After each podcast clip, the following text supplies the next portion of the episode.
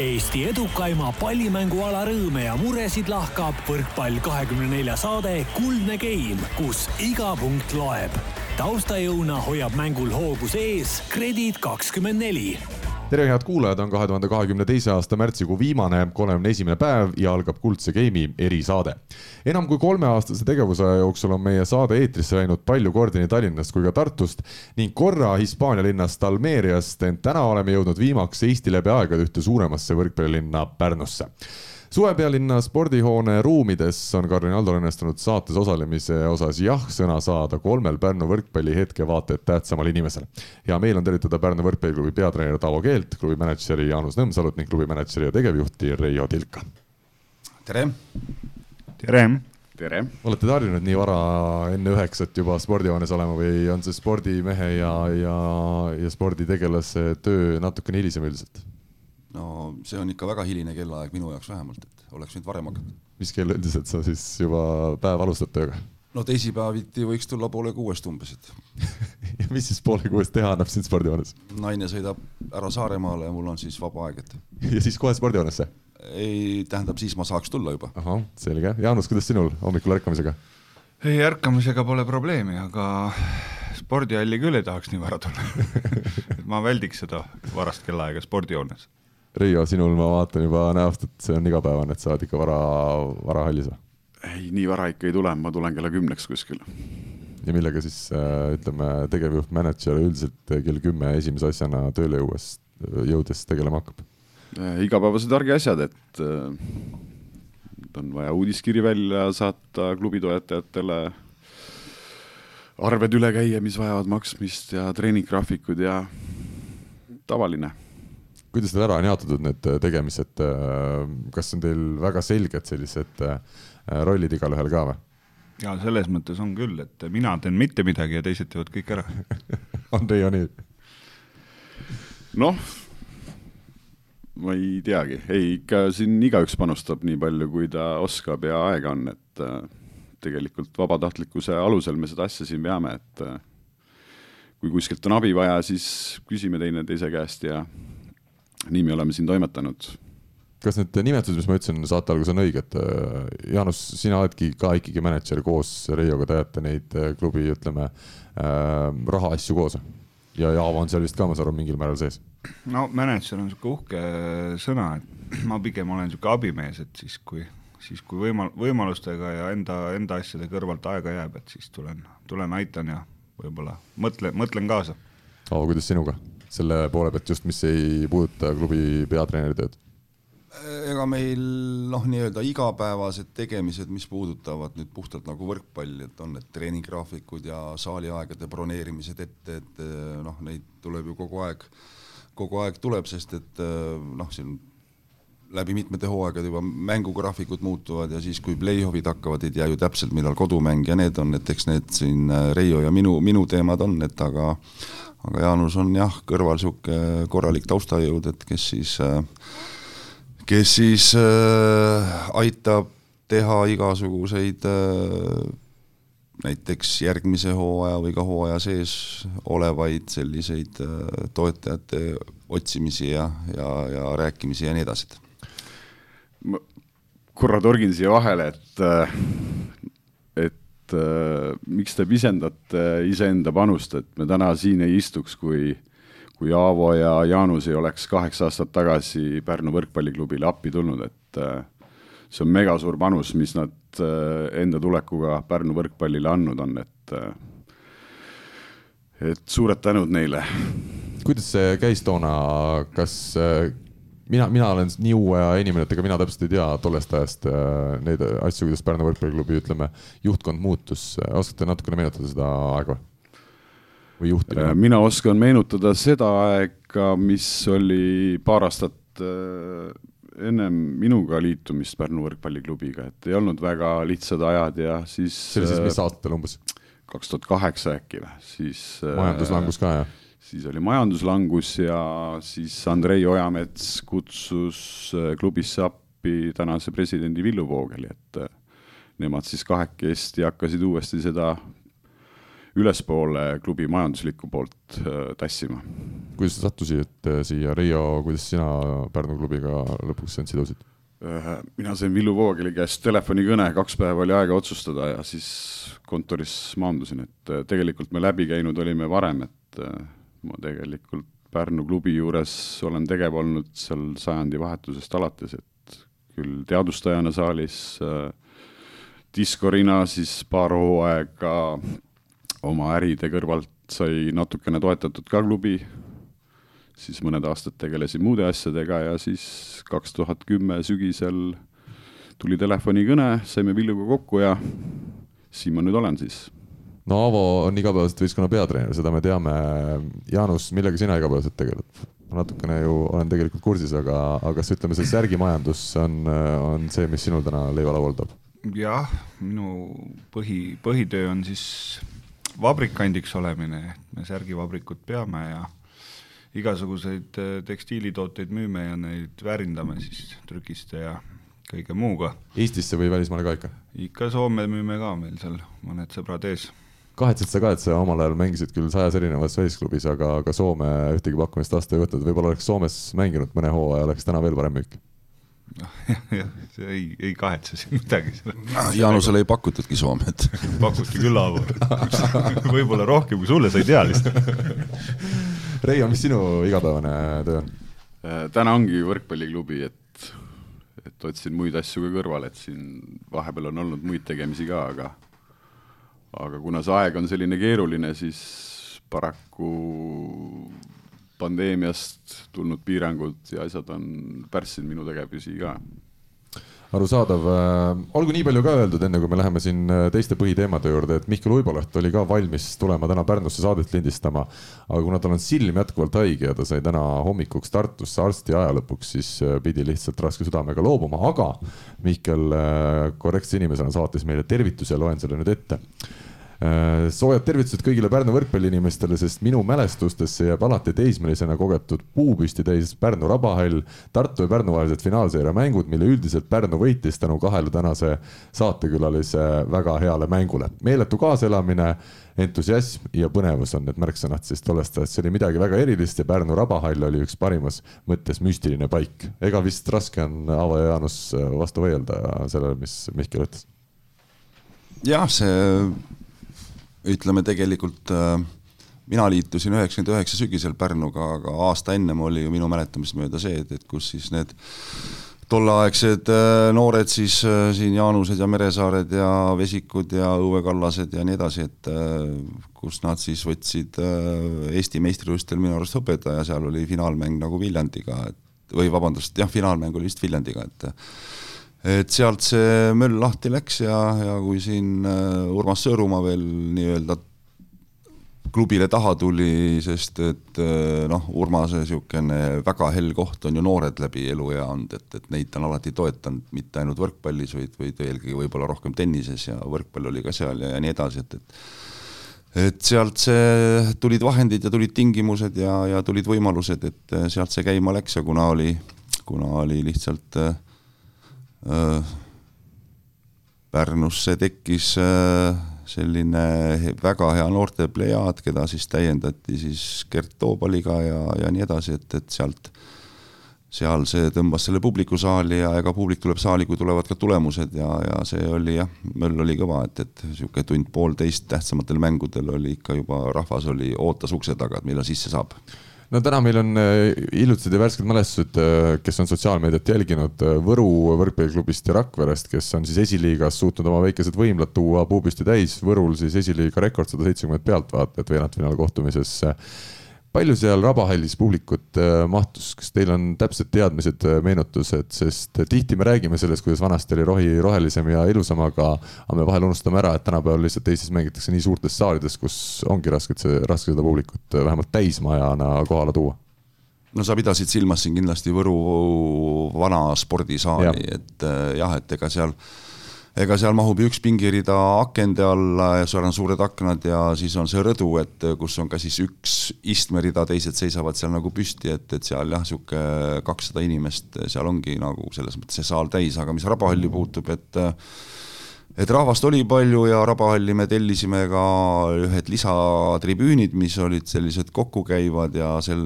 neid vist oli kolm tükki äkki, aga selle tribüünide üldse niisugune istekohtade arv võis olla mingi sada kaheksakümmend või midagi taolist, ma eeldan, et et need tulid sinna nagu lisaks ja noh, rahvas seisis, rahvas istus ja, ja palju oli parimatel päevadel neid inimesi siis saalis? Oh, no ma arvan, et seal äkki topiti kuskil mingisugune, ma ei oska öelda, aga noh, kaheksasada pluss-miinus äkki või, ma ei tea, ma ei mäleta. et ikkagi enamik inimesi lihtsalt seisid?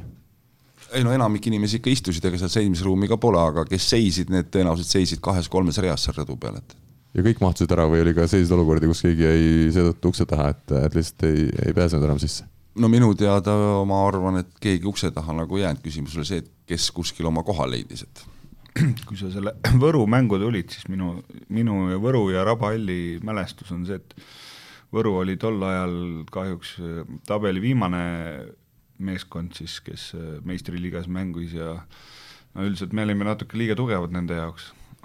et see mäng lõppes küll nelikümmend viis, neljakümne viie minutiga, aga, aga mina jõudsin tund aega ennem mängule ja siis Rabahallis enam ruumi ei olnud, et jah tänase saate osas veel nii palju infot, et, äh, et, et me oleme otsustanud, kuna meil on täna tõesti Pärnu erisaade ja ma usun, et me Pärnu võrkpallist seda, seda teemat, millest rääkida on küll ja, ja veel, siis me oleme otsustanud äh, Mihkliga sedasi, et, et me keskendume naiste finaalile ja teistele aktuaalsetele teemadele järgmises saates. see on otsus, mille me oleme vastu võtnud, loodan, et ka kõik kuulajad, kes just meie saadet naiste võrkpalli pärast jälgivad, saavad sellest aru ja lubame siis järgmises saates selle võrra rohkem äh, nendel teemadel peatuda. aga täna siis äh, ma usun, et äh, sissejuhatavad küsimused veel kolm tükki igale saatekülalisele üks. Aavo, alustame sinust. kas oled hakanud naiste hingeelu kohta juba raamatuid lugema, et järgmiseks aastaks Rovaniemi naiskonna peatreenerina paremini valmis olla? mul on Rovaniemel nii kõvad abilised, et ma arvan, mind selle hingeeluga viiakse suht kiiresti kurssi ja, ja ja ma arvan, mis puutub nagu võrkpalli, et, et seal ma olen äh, õppimisvõimeline ja et ma ei karda küll seda, seda teemat, mis mind ees ootab. võtame järgmise mehe, Jaanus, kuulaja nimega Märt saatis meile enne saadet sellise äh, küsimuse või teema, kus ta ütleb, et sa olevat kõva korvpallur ja ta küsibki, et kuidas tänavune hooaeg korvpallis läks ma vist aiman, kes see Märt on, aga see on üks ajakirjanik, ma olen aru saanud vist jah. aga, aga, kusjuures... aga mul läks äh, täpselt sama hästi kui tal ja see ei ole Märt Roosna, ma pean ütlema, kindlasti meie kuulajad arvavad, et see on Märt Roosna, aga tegelikult on üks teine Märt. ja, ja selle Märdiga mul läks täpselt sama hästi. kumb paremini mängis sel hooajal, kumb rohkem punkte viskas? punkte võib-olla isegi tema, aga ma tegin vähem vigu igal juhul selge, see on hea vastus. miks sa üldse korvpalli mängid, meil on saates ikkagi kombeks kritiseerida neid, neid saatekülalisi või saates osalejaid, kes mingite teiste aladega tegelevad kui võrkpall no korvpalli saab ju jalad maas ka patsutada, keerutad seal ümber oma telje ja viskad palli korvi poole, et võrkpallis pead ikka natuke kerkima ka. kas peab, Aavo? sina omal ajal mingitel hetkedel tõestasid ka vastupidist, ei? mis, no ei saanud nüüd naljast aru. et kas hüppama peab ikka hüppama kindlasti peab jah, ja, ja, ja mida rohkem, seda uhkem, et. selge. ja Riio, sinule ka sissejuhatav üks küsimus, kas jälgid huviga finaalseeriat või ajad raha kokku juba järgmiseks hooajaks? Äh, mõlemat. mõlemat? ja nii kui saate lindistamise lõpetame, siis lähemegi ühe suurtoetaja jutule koos Jaanusega, et äh, et see märts ja aprillikuu on jah, selline aeg, kus tuleb äh, toetajad läbi käia ja võimalikke uusi otsida, et et nii ta on, jah. Aavo, mis sõnadega sa Jaanuse ja Reio sinna suurtoetaja jutule saadad? mina ma nüüd väga neid sõnu ei loeks peale, aga ma olen nagu selles mõttes kindel, et, et kõik, mis võimalik, sealt nagu välja võetakse, et kui ei ole, siis, siis ei tule, aga ma arvan, et kui, kui teiselt poolt ka nagu huvi on ja ja ma arvan, et äh, Jaanus ja Reio on tipp-topp mehed seda huvi tekitama. et ma olen küll optimistlik, jah. selge, jääme lootma parimat, meie aga läheme tänases saates siis esimese põhiteema juurde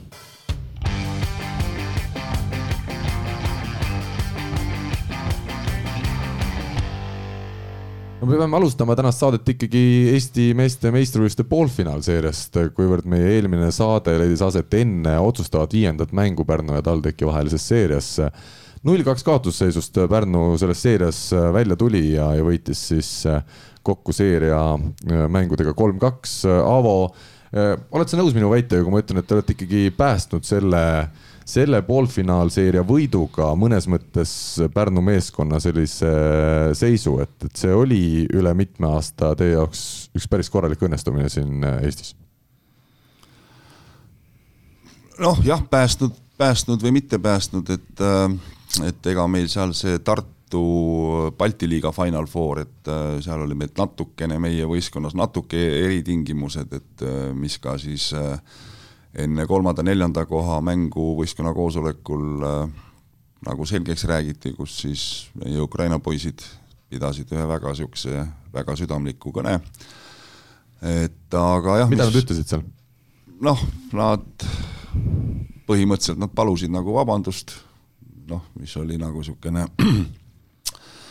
nendepoolne niisugune noh, tundeavaldus, et, et nad said aru, et see olukord, mis siis kahekümne neljandal tekkis, et see siis äh, mõjutas nagu neid ja see mõjutas ka kindlasti teisi ja noh, nii ta lihtsalt oligi, et ega sealt ei pääse üle ümber, et et me ei olnud jah, seal poolfinaalis selles mõttes võib-olla mentaalselt üldse konditsioonis ja, ja sealt sellest poolfinaalist oleks võinud ka nagu nii-öelda korralikum mäng tulla, et kes oleks, kes seda oleks siis tavatingimustes võitnud, seda me ei saa kunagi teada, et me teame, et äh, TalTech selle võitis ja, ja, ja nii see on, et aga jah, et, et me oleme saanud selle selle siis selle aasta jooksul ikkagi seda vahet, mis nagu hooaja alguses nagu oli siin teiste võistkondadega, et äh, noh, julgen väita, et päris tublisti nagu väiksemaks ja, ja võib-olla ka siin noh, mööda läinud teistest, et äh, peale, peale siis äh, tänase seisuga Tartust, et kes siis kaks-null juhib finaalseeriat, et aga noh, et mõned asjad on õnnestunud, mõned oleks võinud kindlasti paremini õnnestuda ja aga noh, punnime edasi. Jaanus, sina, kes sa oled võib-olla igapäevaselt äh, klubi tegemistega kõige vähem äh, seotud, siis äh, hooaja alguses ega keegi Pärnut finaali pretendendiks ei pidanud ja mina ütlen, et tolle hetke seisuga see oli ka ainuõige hinnang, sest ei olnud veel Cavalcanti võistkonnas, ei olnud veel Masenkot võistkonnas. kas sina mm, klubi taustajõuna uskusid, et, et see võistkond tõesti õnnestub putitada veel kevadeks sellisesse vormi, et me, et te mängite Eesti meistrivõistlustel finaalis? see on hea küsimus, noh, sa vastasid natuke küsimuse ees ka ära, et meil oli võistkond poolik, et et me teadsime seda kindlasti, et meil on vaja sinna kedagi juurde liita. noh, jah, et öelda sügisel, et me oleme kevades finaalis, et neid selgeltnägija võimeid ei ole vist meil siin kellelgi siin toas, aga aga, aga teada oli jah, et täiendust on vaja ja noh, eks me lähtusime ikkagi ennekõike rahakotist, et et keva, kevadeks nagu jubedat miinust ees ei ole ja siis kõik mängijad käivad ja helistavad Reiole, küsivad, et kus ja mis ja miks ja noh, et seda me oleme püüdnud vältida ja ja tundub, et noh, kui me siin saime jaanuarikuus võistkonna tegelikult komplekteeritud lõplikult, et siis võime öelda, et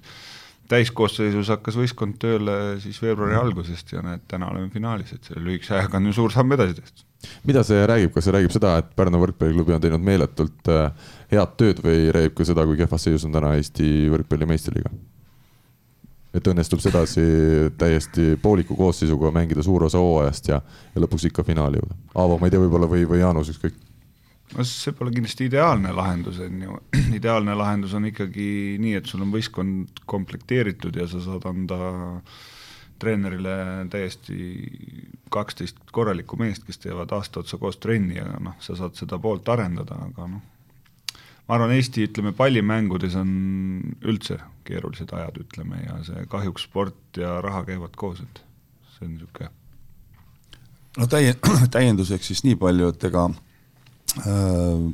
plaanis või selles mõttes nagu oli, et, et me otsime tegelikult, äh, kui hooaega nagu algas, et siis oli nagu selge, et me otsime nagu ühte mängijat, siis tuli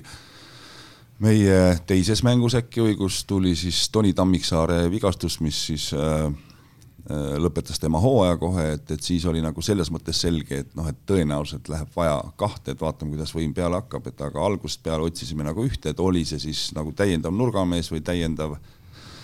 nii-öelda diagonaalmängija, et äh, siis tuli veel äh, Kanada poisi peapõrutus. Kevin Lebreu siis teeb põranda? jah, mis siis kestis sisuliselt neli-viis nädalat, kus nagu, nagu meest ei olnud ja, ja ei, olime ka selles mõttes nagu nõutud, et, et äh, aga kuna leping võimaldas nagu selles mõttes nagu lõpetada selle lepingu, siis tekkis ka päevakord, et me peame ka nagu tempomehe saama, sest et vahepeal oligi, sest et noh, Kristo Joosep käib ju igapäevaselt Audenteses, tema liitus meiega heal juhul reedel päev enne mängu, ehk meil oli treeningul üks tempomäng ja kuskil viis nädalat ehk Tom Swans ja ja Tonit ka polnud ja polnud veel asendust temale nagu leitud, ehk et ja koolinoored käisid nagu koolis ja seal oligi, et, et vahepeal oli kuue-kaheksa mehega meie lõviosa nagu toimetame, toimetasime, et, et et ja siis, kui üleminekuaken kinni läks, et eks me otsisime kõvasti-kõvasti seda nii-öelda Toni asemele nurgaründajat, mis oli nüüd nagu noh, konkretiseerinud, et meil on nurk nurka vaja. ja, ja otsisime tempomeest siis noh, Kevini asemele, et ja need said siis tehtud siin sisuliselt jaanuarikuu jooksul jah, et, et, et sellest ajast peale siis on nagu olukord, treeningu olukord nagu selgelt nagu lahenenud, et ja, ja õnneks siis on, on paremasse suunda meie mäng ka läinud. Kui ma ei eksi, siis sa siin hiljuti nüüd pärast õnnestumisi oled öelnud, et tegelikult võib-olla mingis mõttes Äh, andis see ka meestele juurde, et äh, oligi vähe mehi trennis, sai palju puutit ja aga kokkuvõttes see pidi olema ikkagi päris keeruline aeg nii sinule peatreenerina kui ka mängijatele, kui ühtegi trenni normaalse koosseisuga, nii et kuus on ühel pool ja kuus teisel pool väljakut äh, teha ei saa no see on harjumine antud olukorraga, et ega sellest nagu pääsu pole, et, et aga jah, see nii ta on, et kui sul on kuus meest, seitse meest või vahel ka kaheksa meest, et siis lihtsalt sa pead selle treeningu niimoodi läbi viima või üles ehitama, et noh, mida sa nagu teed, aga selle jah, plusspool on nüüd see, et, et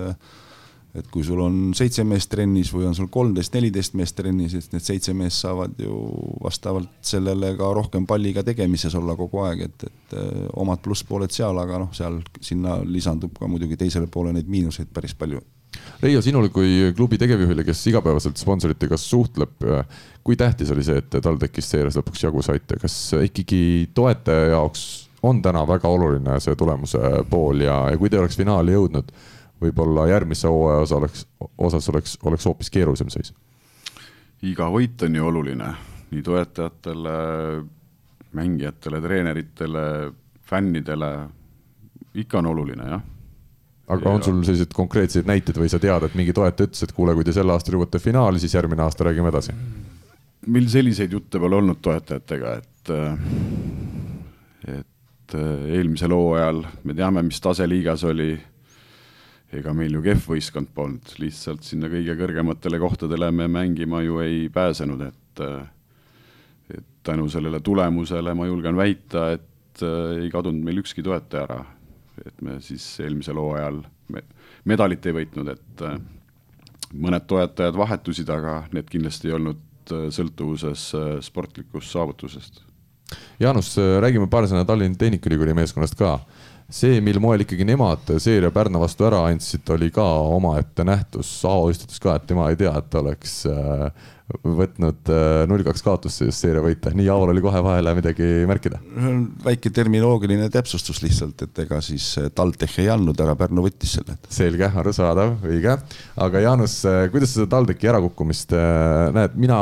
olen erinevates kohtades juba välja öelnud, et ma ei olegi võib-olla näinud Eesti võrkpallis sellist selget ärakukkumist, nagu oli Tallinna Tehnikaülikool, kuidagi äh, tundus, et selle meeskonna koostlagunemine oli ikkagi väga ilmne ja, ja viimane mäng oli juba, juba kuidagi keeruline vaadata üldse seda meeskonda väljakul olemas. no eks nendel läks ju psühholoogiliselt järjest äh, raskemaks, on ju. aga kuidas see võimalik on, ma mõtlen, seal on ju kogenud mängijad. no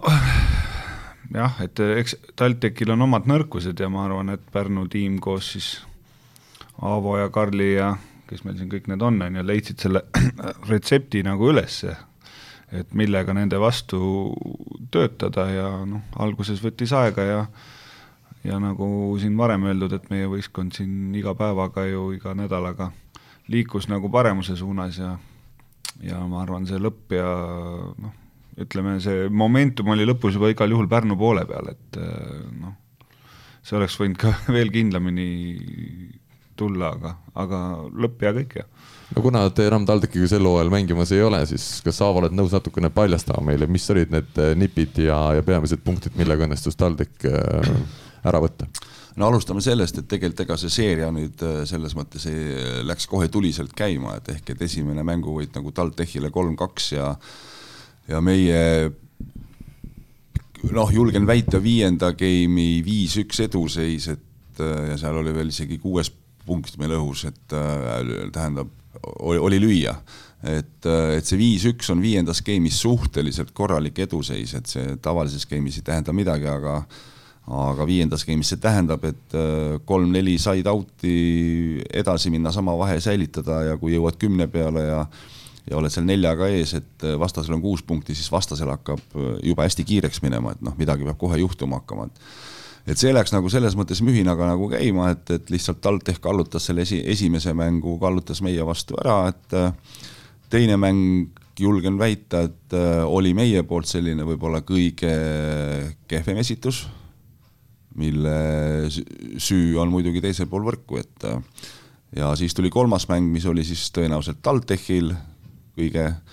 kõige võib-olla selles mõttes kõige kehvem esitus ja jälle, eks seal olime ka meie süüdi ja noh, ja siis neljas ja viies mäng läks ju mühinal lahti, et ega seal nagu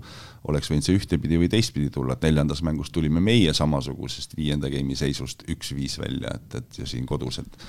ja viies oli nüüd selline, seal tekkis ärevaid momente muidugi, muidugi, et aga, aga noh, see ongi, see ongi viienda, viienda või sellise otsustava mängu niisugune paha, mitte pahatihti, vaid tihti selline, selline olemus, et, et seal juhtubki igasuguseid asju ühes või teises suunas, et aga noh, kus siis me nagu neid nagu hammustasime, et et noh, jah, et ega siis ju iga meeskond ehitab, et kuidas me plokki teeme ja nii edasi, et aga see sõltub, see ploki tulemus sõltub ju ka sellest vastasmängi, vastasmängijate nii-öelda ründeoskusest, et, et mõni päev nad jäid meie plokiga hätta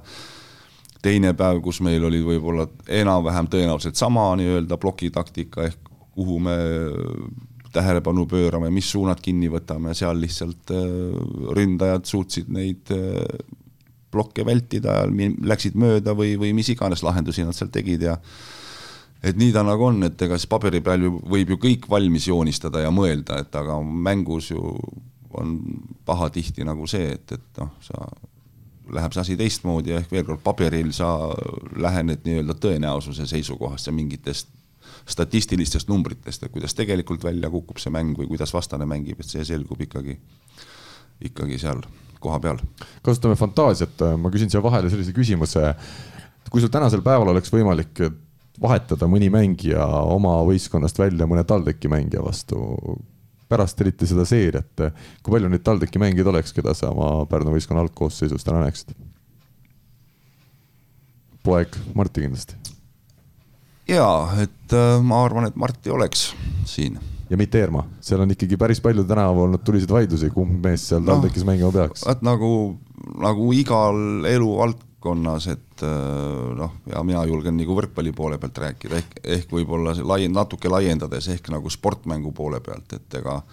alati ei ole nagu see kõige määrav, kes kõige kõrgemale hüppab või kõige, kõige kõvemini lööb, et äh, seal on ka, tulevad nii-öelda võib-olla teised elemendid seal mängu. Ja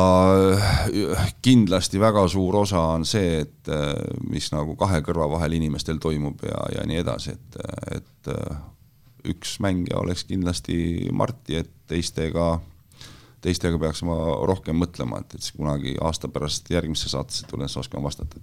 selge, äh, läheme edasi äh, ja, ja kui me seda poolfinaalseeriat, äh, võib-olla sellest sai räägitud, siis kuidas oli minna vastu finaalile pärast seda, kui oli see seeria võidetud äh, väga raskelt ja, ja väga magusalt samas? kas see esimene mäng ikkagi Tartu vastu läkski selle nahka, et, et, et Pärnu oli veel sellest poolfinaalist natuke emotsionaalselt ja võib-olla ka füüsiliselt väsinud? no see, see ongi kinni just nendest isikuomadustest, millega me eelmise küsimuse nagu lõpetasime, et äh, minu loogikasse see ei mahu, et et ma olen väsinud ja ma olen nii ja naa, aga noh, niisugune vaimselt väsinud või füüsiliselt väsinud, et et ma olen selles mõttes, ma ma, ma, ma ei ütle, et see põhimõte nagu vale on selles mõttes, et, et tulemus ei ole tähtis, tähtis on see, et sa lähed platsile ja annad ennast nagu kõik, et see on, see kehtib ideaalolukorras ja ideaalsete sportlaste puhul, kes suudavad ennast sellesse seisu nii-öelda mitte kas nüüd just sada protsenti kogu aeg viia, aga vähemalt väga suure osa, et, et et sport on ikka suhteliselt julm asi, et, et veel kord, et ma armastan alati seda öelda, et hüppad sa kaheksa meetrit kaugust või seitse meetrit, kõik on mõõdetav, et täpselt sama on tulemus mõõdetav ka sportmängudes, et et äh, see, et kuidas me esimest mängu nii-öelda, milline mentaalne olek meil oli seal, et see on noh, tõenäoliselt ma ei hakkagi sellest elu lõpuni aru saama, et, et, et veel kord, me ei mängi rea mänge põhiturniiril teist, kolmandat, neljandat mängu põhiturniiril, et äh, kus võib veel mingil moel selles mõttes aru saada, et, et võib noh, et aga me mängime finaali ja ja, ja seda enam, et, et me oleme nagu sellise, äh, sellise, sellise seisu pealt sinna finaali tulnud ja selle fooni pealt, et noh, ma nagu, ma nagu ei osanud, ma ei osanud nagu elus nagu ette näha, et, et meil nagu tekib probleeme sellepärast, et kui me oleme seal kahe-kolme punktiga taga, et siis ma ei tea, kui seis on kaheksa-viis, et siis on meie poolt umbes nii, et või tähendab viis-kaheksa oleme taga, et siis hakkame, loeme game'i lõppenuks ja vahetame pooled ära juba, eks on ju, aga selline tunne vägisi nagu esimeses mängus tekkis. mis on minul tekkinud mõtted seoses Pärnu võrkpalliklubi tänavuse hooaja mängijate, ütleme, emotsionaalse seisundiga. ühtpidi seesama TalTechi seeria ju näitas, et mehed ikkagi suudavad rasketel momentidel esineda paremini kui näiteks TalTechi mängijad, ehk siis vaimselt justkui oleks see tugevamad, vähemalt kokkuvõttes me saame sellise järelduse teha. teisalt äh, tundubki, et on kokku saanud lihtsalt selline suhteliselt tagasihoidlikest inimestest koosnev äh, võistkond, et ega see sellist meeletut karjumist või, või emotsionaal, emotsioonipuhanguid, ega neid ju me ei ole Pärnu võrkpalliklubi eest väljakul näinudki, et võib-olla see meeskond ongi selline, kus, kus ei olegi võimalik esile kutsuda sellist emotsiooni oleme näinud küll, miks me ei ole siis näinud, me oleme täpselt samamoodi näinud, kuidas Brasiilia poisid on, eks ju, kuidas Ukraina poisid on, kuidas Eesti poisid on meil, et et seal on vahe, et kui sa nendega nagu töötad päevast päeva, on ju, siis sa nagu hakkad kuskilt, mingist ajast sa hakkad nagu tajuma, kes on nagu kes ja kes on nagu niisugune, kes on platsil liider, kes on riietusruumi liider, mis, mis ei ole üldse sugugi väike asi, eks on ju, et, et kes teil on need sel hooajal? Noh, ju ikka ma arvan, meil on kapten õigesti valitud, et Muuskari. äh, jah, ja, ja, ja teisest küljest toetab teda nii-öelda oma niisuguse väga niisugune nii-öelda inimlik inimene Tom Svans, kes on vahet ei ole, sajab lund või paistab päike, tema tuleb ja teeb tööd ja nii edasi, et, et, et et nemad tõenäoliselt noh, ja Silver või sinna võib ka nagu panna, eks, et Ivar Jõuekallast siin tõid mitmed mängijad välja kui sellist huumorimeest, kas sinusugusele, ütleme rohkem ikkagi vanakooli mehele ka Ivar Jõuekallase sellised noortenaljad peale lähevad? Äh, kas me selle vanakooli teema juurde saaks saates tagasi ka pöörduda, aga aga läheme kohe sinna. jaa, aga ei, ei, ei, ei, ma vastan ära jah, et, et tähendab, kui nüüd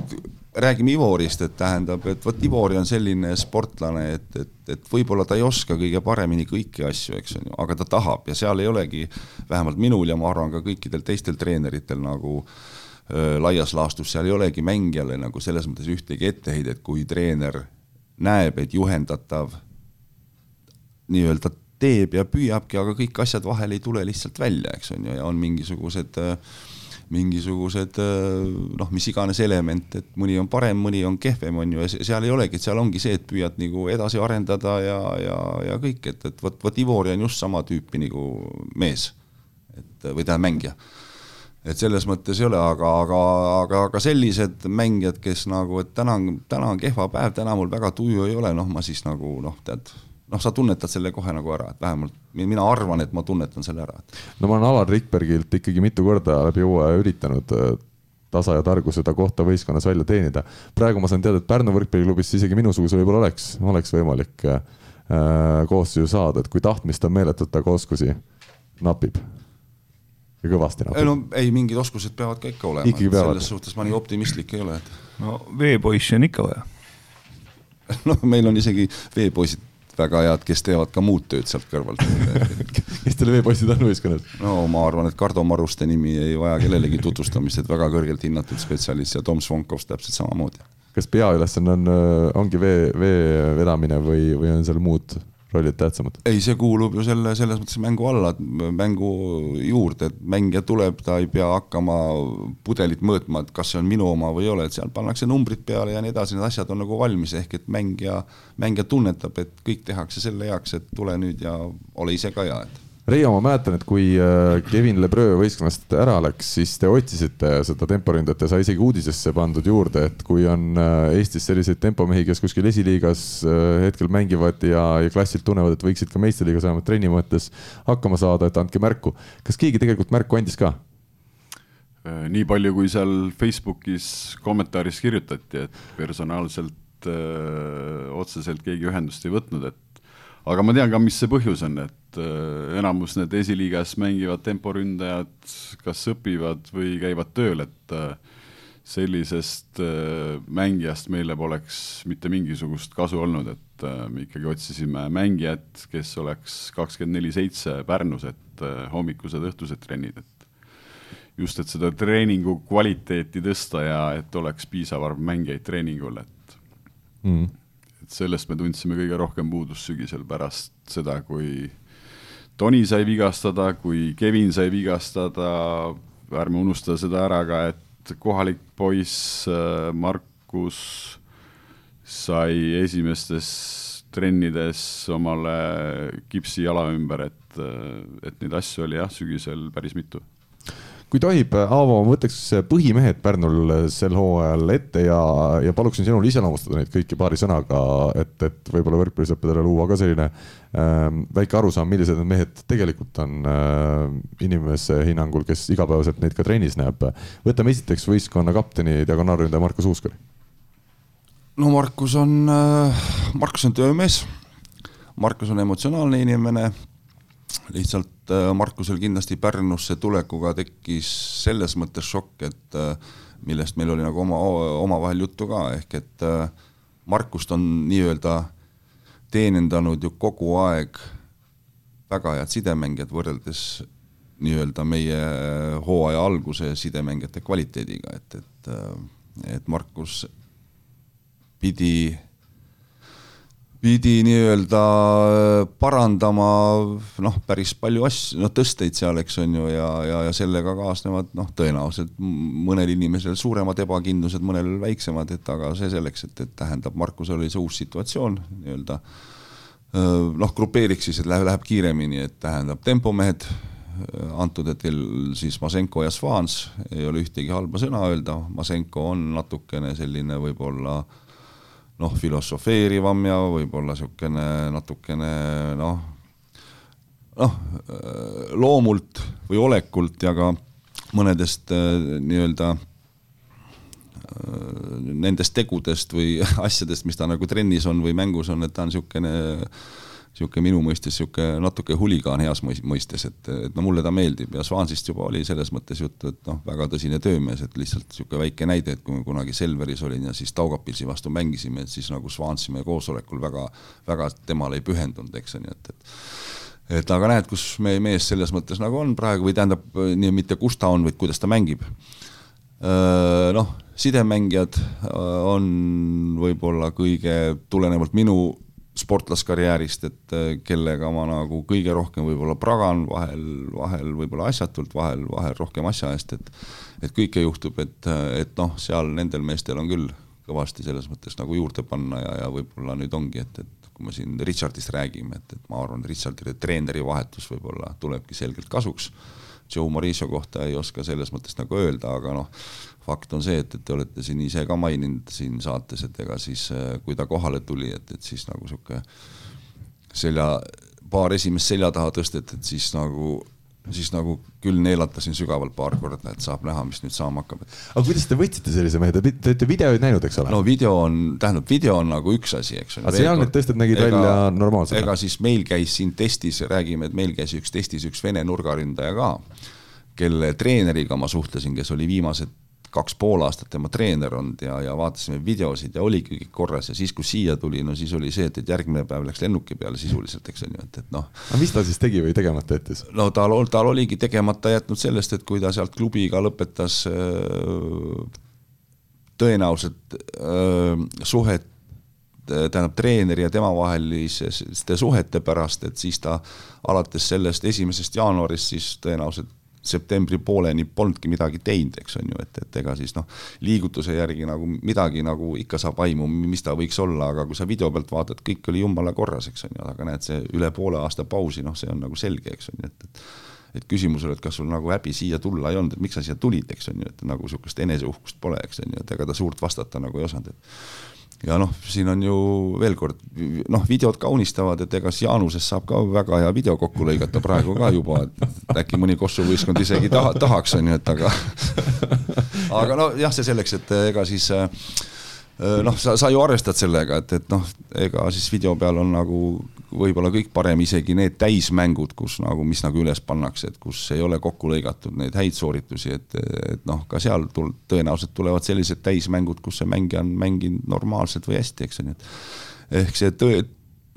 tegelik seis selgub ikkagi siis, kui ta, kui mängija nagu kohal on, et mis ootused on ja, ja, ja kuidas nagu siis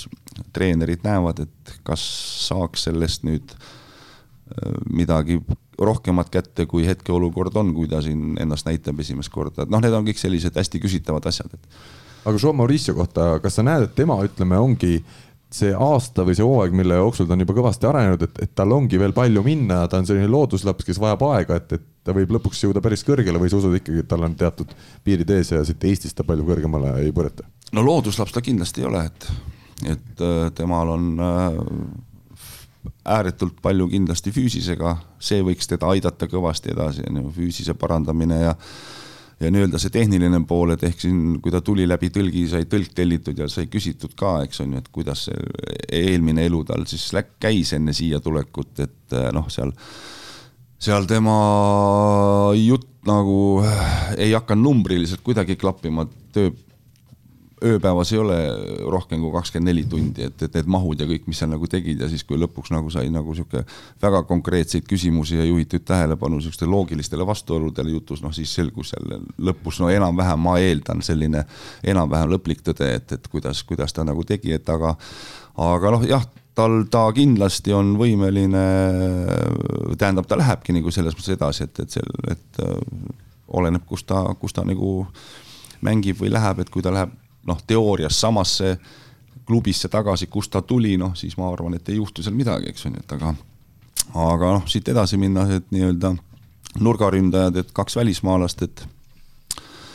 et äh, noh, neil ei puut-, neil ei puudu teatud mugavus, teatud sihuke äh, nagu ma ütlesin, et kui on kehva päev, siis nii ongi, eks on ju, et, et, et, et, et et Kaval Kants on ikkagi natukene noh, seoses ka keeleprobleemidega, et ei ole minu inglise keel sorav ja ei ole ka tema inglise keel sorav, et, et midagi me omavahel pursime, püüame aru saada ja noh, eks me saamegi, et aga aga samamoodi, et selline võib-olla noh, töömoraal, et võib-olla liiga palju kõigub, äh, Žukov äh, enam-vähem võib öelda täpselt samad sõnad, et ehk et kus on, vahepeal on perioode, kui aed on madal, siis minnakse sealt, ei otsita kõrgemat. ehk et, eh, ehk selline ütlus, et, eh, et miks ma ei saanud, seda tuleb palju lihtsamalt, kui, aga võiks tulla seda, et tähendab, kuidas ma saaks, et Uh, mis meil üle, noh, Silver, Silver on Silver, seal ei ole nagu midagi, Silveriga mul on alates, ma ei tea, väga pisike oli juba, et kui rannas tegelesin temaga, et, et et sealt oli nagu Silveriga kogu aeg nagu koos olnud, et Silver on okei okay, igas, igas mõttes, nii suhtumine, võrkpallitalent ja nii edasi, et, et. palju Silver Maril on äh, puudu Euroopa tipust? ma arvan, et see, seal ei olegi väga palju selles mõttes puudu, et veel kord täpselt sama nagu treeneritel ja, ja seda enam mängijatel, et sul sõltub nii palju, et, et äh, kellele sa silma jääd, kelle agent head tööd teeb, kuhu sa nagu satud ja et noh, kui sa CV-sse saad nagu kirja, ma ei tea, noh It, Itaalia, Poola, Venemaa mängija saab kirja, no siis ongi, siis ongi selles mõttes juba automaatselt kõva mees, eks on ju, et, et kuigi mõni kõvem mees võib mängida,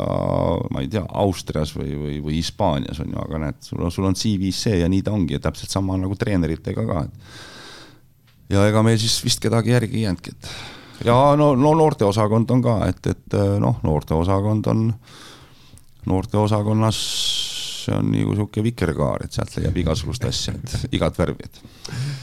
Silver Maari kohta ja sellest tema teemast lähtuvalt, kes on täna Eesti võrkpalliliigas oma positsioonil võrdluses Euroopa või maailma tipuga kõige lähemal? kas Silver Maar, Gert Toobal, Martti Juhkam ja Albert Hurt on need nimed näed siin kedagi teist, oskad sa kedagi nendest võib-olla eraldi esile tuua, kes on kõige kõrgema tasemega oma positsioonil Euroopas või maailmas? no see on nüüd selline küsimus, ega sellele nagu vastust on nagu väga raske anda, et selleks tuleb need kõik joone peale panna, aga kui pean midagi nagu ütlema, et, et siis ma arvan, et äh, et siin Silver ja Albert on tõenäoliselt välja minemas, et äh, mina arvan, et need kaks meest nagu selles mõttes kindlasti kohe räägime Tartu Bigbankist ka, ma tulen äh, Reio ja, ja Jaanus teie juurde vahepeal. Ehm, kas Tartu Bigbank sellisena, nagu ta tänavune, tänavusel hooajal komplekteeriti ja nii nagu ta on mänginud eurosarjas, eelkõige ma julgen ikkagi neid mänge just välja tuua, sest Eesti liiga ja teised Eesti klubid ei ole tänase Tartu koosseisu jaoks lihtsalt selline õige võrdlus minu hinnangul. kas tartlased on kõige tugevama võistkonna suutnud kokku panna, mis Eestis võib-olla viimasel kümnendil on olnud jälle võrdluses sama ajastu siis Euroopa paremikku, et meil on võimatu võrrelda täna Kalev kuuekümne kaheksaga ilmselt Tartu Bigbanki või Pärnu ESS Valgiga, kes ka tegi suuri tegusid, aga, aga kas ütleme, oma ajastu Euroopa tipuga võib öelda, et Tartu Bigbank on kõige kõvem selline võistkond, mis Eestis on viimasel kümnendil olnud. Allar Rikberg ise ütleb, et eelmise aastaga võrreldes tema usub, et võistkond on läinud samavõrra veel, veel paremaks. tal võib õigus olla, aga kuna ma olen pärnakas, siis on ka Pärnus olnud siin viimase kaheteist või kümne aasta jooksul häid võistkondi. siis kui Aavo Pärnusse tuli, Indrek Pulk, Timo Tammemaa, Andrus Raadik olid võistkonnas, oli meil väga korralik sats, saime ka euromängudes võite ja korralikke vastasseise. ja ma ei tea, kaks tuhat üheksateist oli ka meil ju väga korralik sats. tuletame siis meelde, et äh, kuulajatele, et äh, Pärnu võitis poolfinaalseerias mängudega kolm-null Saaremaad ja neli-null seeriaga Bigbanka, et äh, et ei olnud paha võistkond. Jaanus, oled sa nõus Reio teooriaga või arvad, et tartlased on ikkagi tänavusel hooajal olnud äh, paremad nendest teistest võistkondadest? ei, tänavusel on nad kindlasti paremad olnud nendest, kellega nad siin mänginud on, aga aga kümnend on jah, või kaksteist on suht lai mõiste, et äh, kuhu see piir tõmmata, et äh,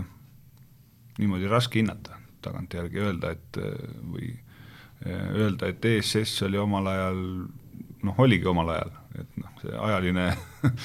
asi on niisugune väga, väga halb mõiste, et kui siin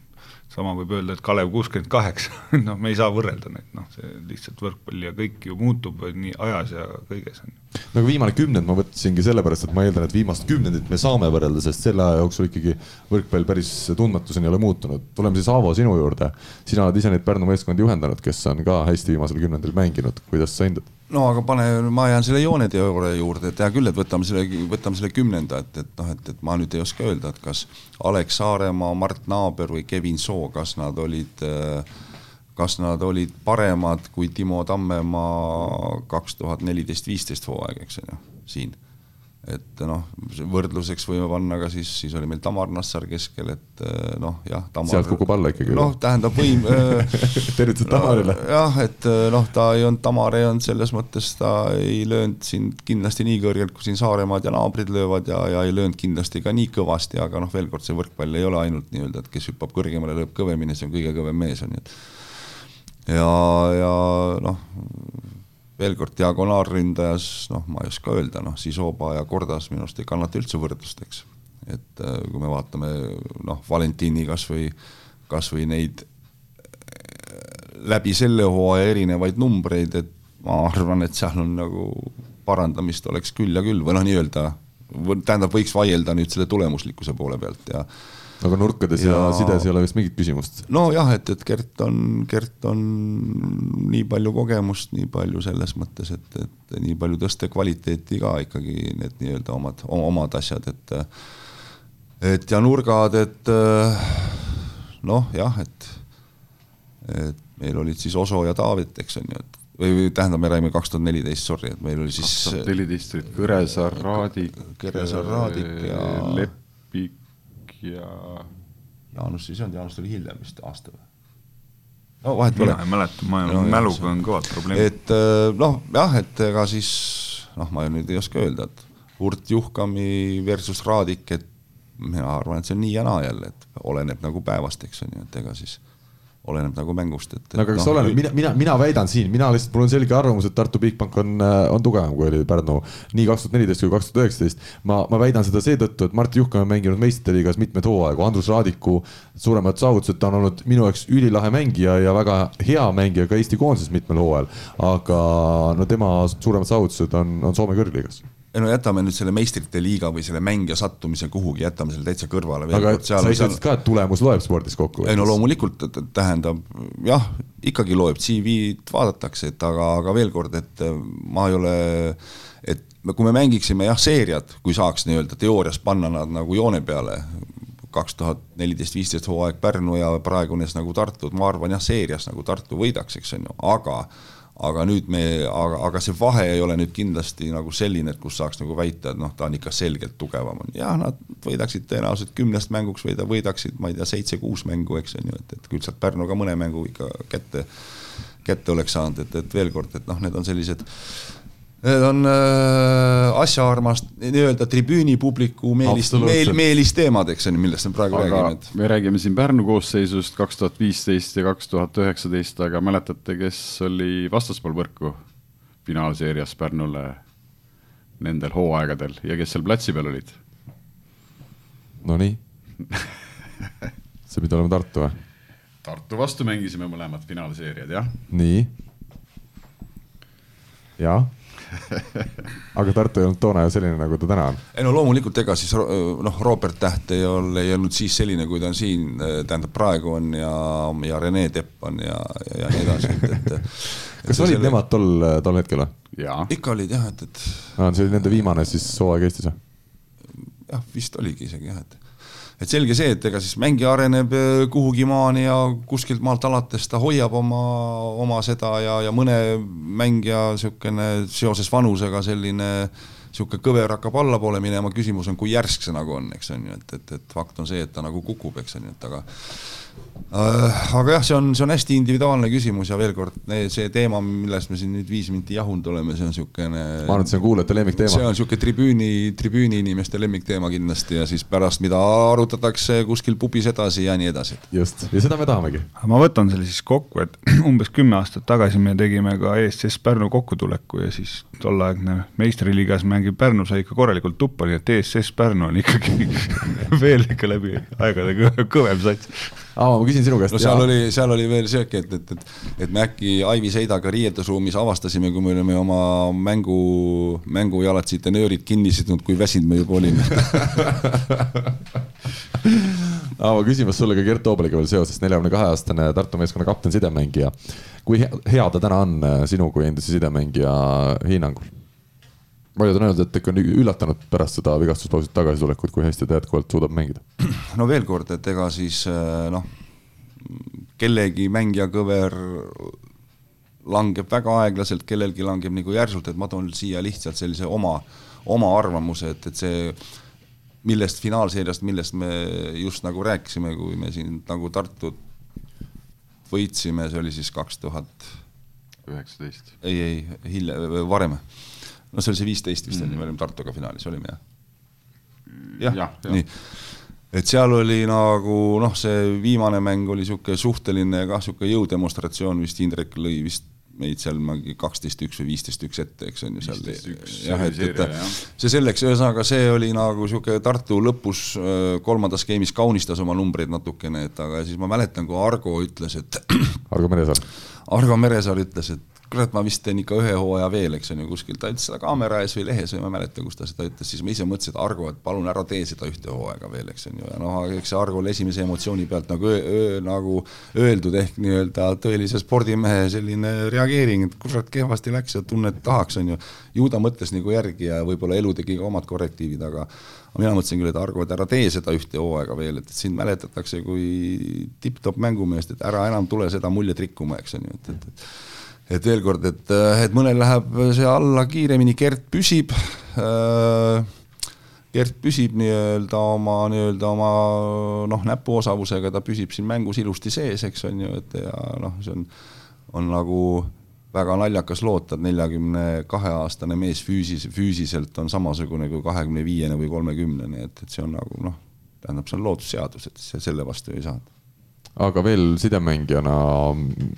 mis, mis seisus ta on ja, ja kui palju seda Tartu meeskonda paremaks muudab? Minu no,, minu, minu ütleme no,, põhiargument ongi, et miks, miks võib-olla ta on parem, on Tartu meeskond täna, kui, kui Pärnu mingitel aastatel või noh, Selverit me võime ju ka siin viimase kümnendi osas veel tuua täpselt kümme aastat tagasi umbes. mängu mängiti ju ka hästi, aga, aga Gert Toobal, no okei okay,, Deniss Petrovs oli siis vist Selveril, kes ei olnud ka täpselt mitte paha sidemängija, aga no Gert Toobali kvaliteet ikkagi võrreldes teiste Eesti liigas mänginud sidemängijatega on, on tänase päevani, mulle tundub äh, märgatav. no ma just mainisin, et ega see näpuosavus selles mõttes nagu püsib, et tal on omad siuksed, äh, omad öö, äh, omad asjad, mida ta teeb väga hästi, noh, räägime siin ikkagi niisugune koostöö, tempo ja paibi teema, eks on ju noh, see on ju, see on ju ilus vaadata, eks on ju, et, et et samas, kui me toome siin jah, võib-olla mõne, ilmub liigasse mingisugune, mingisugune sidemängija, kes, kes nüüd kes nüüd kolme, kahe poole, kolme meetri pealt mängib ka nurgad ühese ploki vastu, eks on ju, et, et siis ta muidugi jälle kahvatub, eks on ju, ma räägin, see on antud hetkel, loomulikult on ta, ta teeb oma osa väga hästi Tartus ära, pluss veel kord, ei pea kõige kõrgemale hüppama, kõige kõvemini lööma, ehk teda kuulatakse, teda aktsepteeritakse sel, sellel on täpselt sama, sama suur osakaal, vahel võib-olla ka suurem osakaal kui, kui mingisugused äh,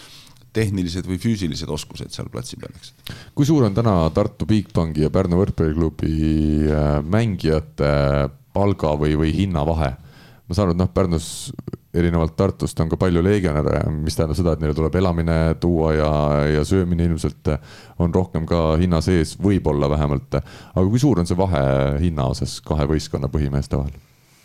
Te umbes ju kindlasti ei oska seda öelda. kindlasti sa tead umbes palju Tartu meeskonna põhikoosseisu. ma võin aimata, aga ma arvan, et see oleks vale, kui ma hakkan siin mikrofonisse seda välja ütlema, ma arvan, et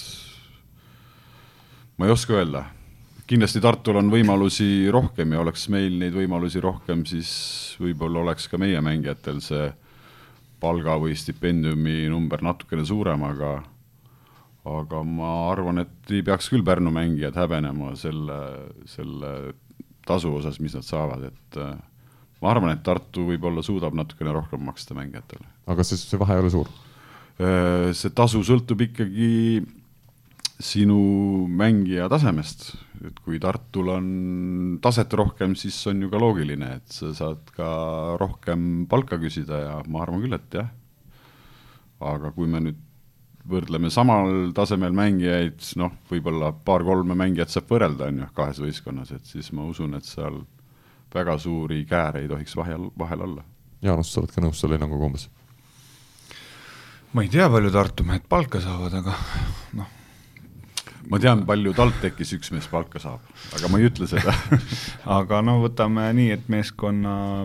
pidamise administri-, administratiivkulud siis vast on suhteliselt sarnased, et noh, need ei ole nii liiga suured ja siis noh, siis äh, ülejäänud on palgafond, et võtame sealt no. maksud ja asjad maha arvestame ja siis saame mingi koefitsiendi, see on võimalik matemaatiliselt umbes välja mõelda. kõige no. suurem vahe tulebki sealt, et kui meil on selliseid palgasaajaid mängijaid seitse-kaheksa tükki, siis Tartus on neid kindlasti kaksteist, kolmteist, neliteist tükki, et äh, sealt see vahe tulebki. jah, et Pintmele mehele palka ka makstakse, see on ka suur küsimus. Äh, läheme edasi, mul oli siin üks küsimus veel äh, seoses selle klubi ülesehitusega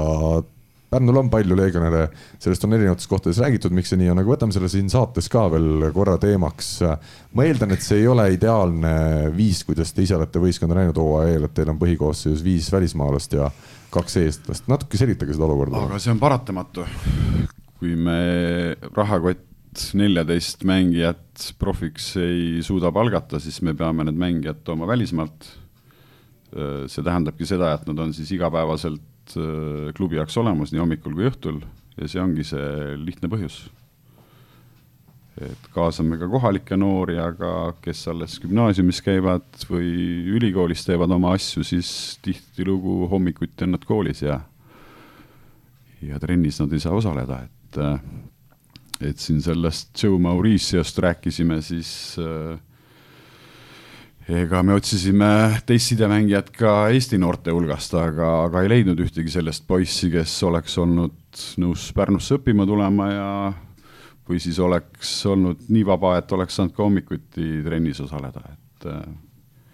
need need lihtsad põhjused ongi. miks Eesti mängijaid enam palju Pärnus, Pärnusse ei taha tulla, kas see on puhtalt seesama asi, et äh, enamik äh, nooremaid inimesi elab Tallinnas ja Tartus? Kust sa tead, et ei taha tulla? no vaadates seda, et teil on legionäre nii palju. aga siis ma ütlen nagu seda, et, et äh, et Pärnu klubi poliitika on olnud hea mitmed viimased aastad selline, ehk et äh, me ükskord lõikasime näppu, kuna mängijatel olid korralikud boonused ja edu tuli ja siis me jäime raskustesse ja me klappisime ja lattisime neid asju, ma ei tea, hooaeg või poolteist umbes sinna vahele ehk et ja klubi, klubi poliitika viimased aastad, äh, kolm-neli aastat on, on olnud selline, et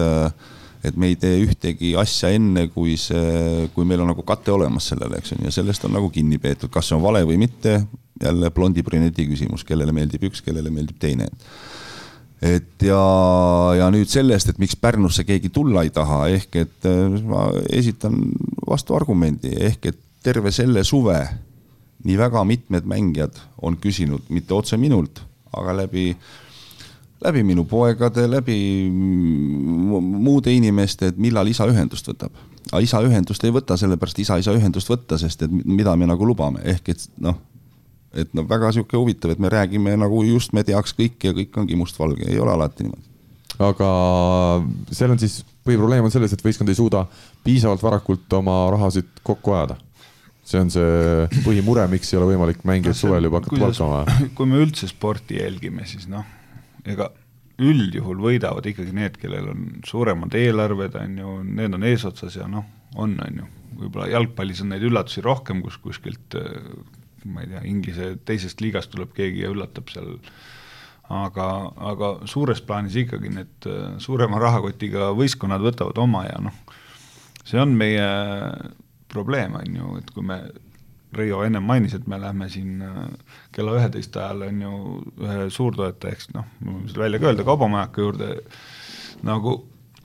koosolekule ja arutama asja, siis täna on ikkagi märtsikuu viimane päev, on ju. et aga milline kindlus oleks klubil asju ajada, kui meil oleks jaanuarikuu keskel nagu uue hooaja eelarve nagu ütleme, kas või seitsekümmend protsenti paigas, on ju, see annaks meeletu kindluse, me räägiks kõigiga juba jaanuariks, veebruaris mängijatega, on ju. Aga täna me alles ajame raha kokku no,. aga praegu tundub isegi veel okei seis, sest hooaeg ei ole lõppenud ja uue hooaja asju Eestis hakatakse alles arutama varsti. jah, aga me ei ole ka sealt jahhi saanud, on ju, noh, ja nii nagu Aavo ütles, poliitika on muutunud, me ei taha seda, et äh, Reio telefon heliseks ja kõik küsivad, et kus mu boonus on või kus mu saamata jäänud äh, palk on, et me ei soovi seda, et noh, see on ka üks argument, mida me saame mängijale lubada, et kõik, mis me sulle lubasime, me tasume, me pigem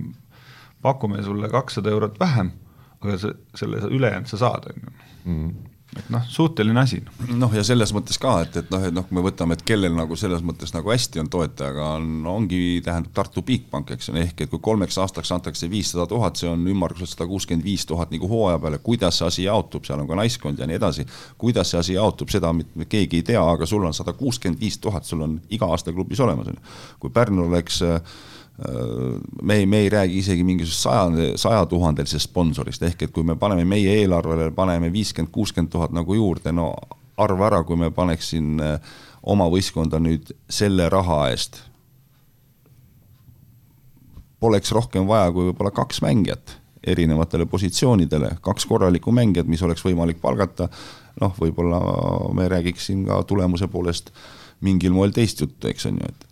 aga ma, mina jõuangi sinna, et äh, ma ei tahaks, mina ei tahaks nagu alavääristada seda, et Tartu Bigbank on suutnud omale sellise toetaja leida, et see on kindlasti ju suure töö tulemus, ma eeldan et seal on täpselt sama, ega seal, seal loomulikult see ongi töö ja see ongi, ongi hästi läinud Tartule, et nad on selle nagu leidnud, aga ma ei saa nagu nendest väidetest aru, et, et no peaks ju nii tegema, et, et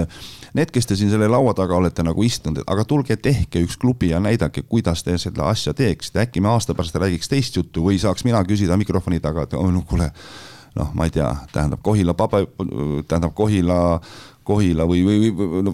vahet ei ole, mis linnameeskond on ju, et, et noh, kuidas niimoodi saab, miks, miks ei ole, kuidas ei ole, kas te noh, aga tulge, tehke ja teeme ära, noh, näidake. mina võin täiesti vabalt rääkida sellest teemast, mina täna igapäevaselt otsin raha Rannavalla keskusele, millel me teeme valmis oma turniiridele, portaalile. ma tean väga hästi, kui raske on raha leida, ma ei ole mitte kunagi mitte kellelegi öelnud, et keegi selles suhtes äh, teeb lihtsat tööd. Jaanus, ma annan vahepeal sõna sulle, siis jätkan ma tulen lihtsalt korra sellesama teema juurde tagasi nüüd, mis me räägime, et Tartu mehi me kõik kiidame, nad ongi viimasel äh, aastatel väga hästi hakkama saanud ja seda näitavad ka tulemused, nad on tõusnud selgelt Eesti võrkpalli tippu. Äh, Pärnu on sudinud need kümme aastat, meil ei ole olnud tõsist peasponsorit. aga kui ma lihtsalt küsiks nii, et äh, kui meil on viiskümmend protsenti Eesti majandusest Tallinnas ja Harjumaal siis mida need Tallinna mehed seal teevad, et jätke see Pärnu rahule ükskord. mina tahtsingi sinna jõuda, mina, te võtate seda, et kõik mu laused on kriitika ja ma, ma tean seda, aga, aga minu küsimus oligi see, et võib-olla ongi Tallinnas äh, ja Tartus nii palju rohkem kõiki ressursse, nii mängijate ressursse kui ka rahalist ressurssi, et Pärnusse tänasel päeval kaks tuhat kakskümmend kaks ei olegi võimalik teha klubi, mis Eesti liigas äh, kulla eest äh, tugevalt konkureeriks, et ärge võtke seda kui etteheidet, kui ma selliseid küsimusi küsin, ma eeldan, et see on, see on ju normaalne ja üks meie saate osa. ega keegi, keegi ei teegi etteheiteid, ma lihtsalt nagu räägin selles mõttes, et kui keegi kuskil midagi nagu väidab, äkki pakuks ka lahenduse välja, et, et mm. selles mm. mõttes. minu küsimus, mida tänasel päeval Pärnu võrkpalliklubi pakub, kui te lähete täna Kaubamajaka jutule äh,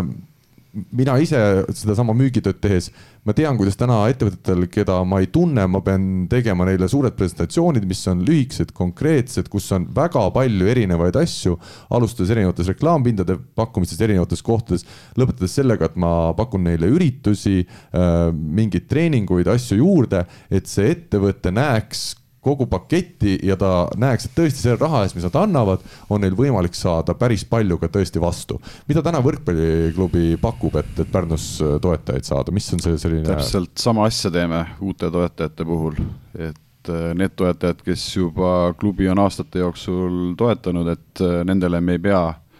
enda tegemisi tõestama, et nad on kursis, mis me teeme, mille jaoks me teeme ja kuhu see toetatud summa kulub, et aga uusi toetajaid otsime siis otse loomulikult, klubi presentatsioonid, erinevad äh, reklaampaketid äh,, logod särkidel, klipid äh, ülekannete ajal, et kõik asjad, jah. aga selliseid reaalseid asju, kus te ka võistkonnaga tulete ja ettevõttega mingeid asju teete või, või, või firma töötajatele pakute midagi? Ikka jah, ikka oleme teinud selliseid asju, et see huvi peab olema vastastikune, et lihtsalt tegemise pärast, et linnuke kuskile kirja kellelgi saada, et noh, sellel pole ka nagu reaalselt mõtet ma jätkan äh, raskete küsimuste küsimist, äh, ma arvan, et sellest ei ole pääsu. üks asi, mida kindlasti saab teha hästi, on mängude korraldus, ma julgen öelda, see on koht, kuhu ei ole vaja palju raha panustada. miks täna, me tegime küsitluse võrkpalliportaalis äsja, kus tuli välja, et äh, meil oli seal sada viiskümmend, kakssada vastajat, et TalTechi mängude korraldust kõik kiitsid. seal on see Tom-Erik Loomahu, kes loob seal emotsiooni ka tänu ülikoolile ja tänu sellele panustamisele on õnnestunud rohkem publikut saali saada ja ütleme, et mängud atmosfääri osas tõesti näevad lahedad välja. miks Pärnu võrkpalliklubis ei toimu vaheajal põnevaid äh, mänge publikuga, miks ei tehta sellist show'd sinna ümber nagu, nagu tänapäeva meelelahutuses tundub, et peaks olema? aga need show'd on olnud ju ennem Covidit, et. Äh, no Covid on läbi juba, TalTechis töö käib juba ammu samamoodi nagu enne. eile tuled vilkusid saalis, olid tantsutüdrukud taas üle paari aasta saalis, äh, pitsakiosk loosis piletite vahel välja auhindu, Mariine auto autoloos, et me neid asju teeme et.... aga miks siis inimesed rahul ei ole, kui meile seda tagasisideküsitlust äh, saadetakse? kas see inimene, kes saatis tagasisidet, oli saalis, või lihtsalt arvas, et? ühesõnaga, sina leiad, et te teete kõike väga hästi ja mängud on suurepärased. alati saab paremini teha, aga liiga palaganiks ja tsirkuseks ma ka ei taha, et võrkpallimäng muutuks. kuidas teie arvamus on, Jaanus ja Jaavo?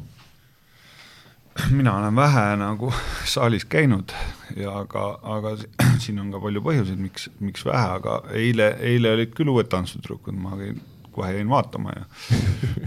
aga, aga nõnna nooreks seda, aga see, see pole tähtis. Aga noh, ütleme nii, et TTÜ saal nagu võib-olla tundub väiksem ka, et tundubki, et jube, jube äge on ja kompaktsem ja noh, nii nagu Raba hall on ju, kus äh, oli kaheksasada inimest, see oli puupüsti täis, on ju, ja tunduski, et noh, kui sa täna kaheksasada inimest paned äh, siia spordihalli, see tundub samamoodi nagu pooltühi, et noh, siin, siin on mingid erinevad nüansid ka, on ju, mida vaadata ja jälgida ja noh, ja kas seda tsirkust ja leiba, noh,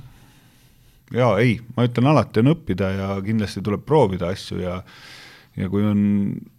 mingi asi, mida me ei tea, kas see töötab, noh, siis võib-olla tulebki nagu otsustada, et kas me proovime või ei proovi ja ja kuna kunagi ütles mulle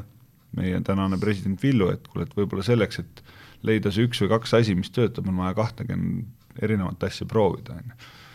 no mingi kogemus meil on ja noh, ma ei tea, kui palju neid ütlejaid oli, et kui see oli üks inimene, kes ütles, siis see on ühe inimese arvamus, et kui neid oli sada inimest, siis noh, siis, siis on teine lugu. pigem siis, oli siis... see suur enamus jah, kes väitsid, et äh, ainult TalTech sel hooajal on teinud töist tööd kodumängude nii-öelda huvitavaks tegemisel noh, siis tuleb müts maha võtta ja öelda TalTechile, et hästi tegite, kui inimestele meeldib, et äh, siis meil on õppida. mulle lihtsalt tundub, et see on selline koht jälle, kus, kus mina näen, et võiks Aga ilma ongi... meeletut raha panemata saada publikut jälle saali no jah, selles mõttes rääkinud, ma ei hakka numbritest rääkima, aga mis sa arvad, kui suur, äh, kui suur osa piletimüügitulust eilsest äh, kulub siis sellele meelelahutusele? lihtsalt ütle protsent paneme sinna juurde veel kohtunikke, kütusetasud, turvamehed, mis iganes asjad, on ju mina väidan, et see on lihtsalt vastupidine, sa võid ka vastupidi vaadata et äh, kui sa teeks hea meelelahutuse, siis tuleks ju publikut rohkem saali ja, ja. ja nõus, nõus, et TalTech on väga hea näide, et seal aastaid ei toimunud mitte midagi, et nüüd nad on selle ilusasti käima saanud, et äh, teeb kadedaks. oleks ka eile loodanud äh, saali võib-olla sada viiskümmend, kakssada inimest rohkem, et. oli vist kolmsada kaheksakümmend? ja no alla neljasaja natukene, et seal mõned Ukraina pered tulid ka, kellele me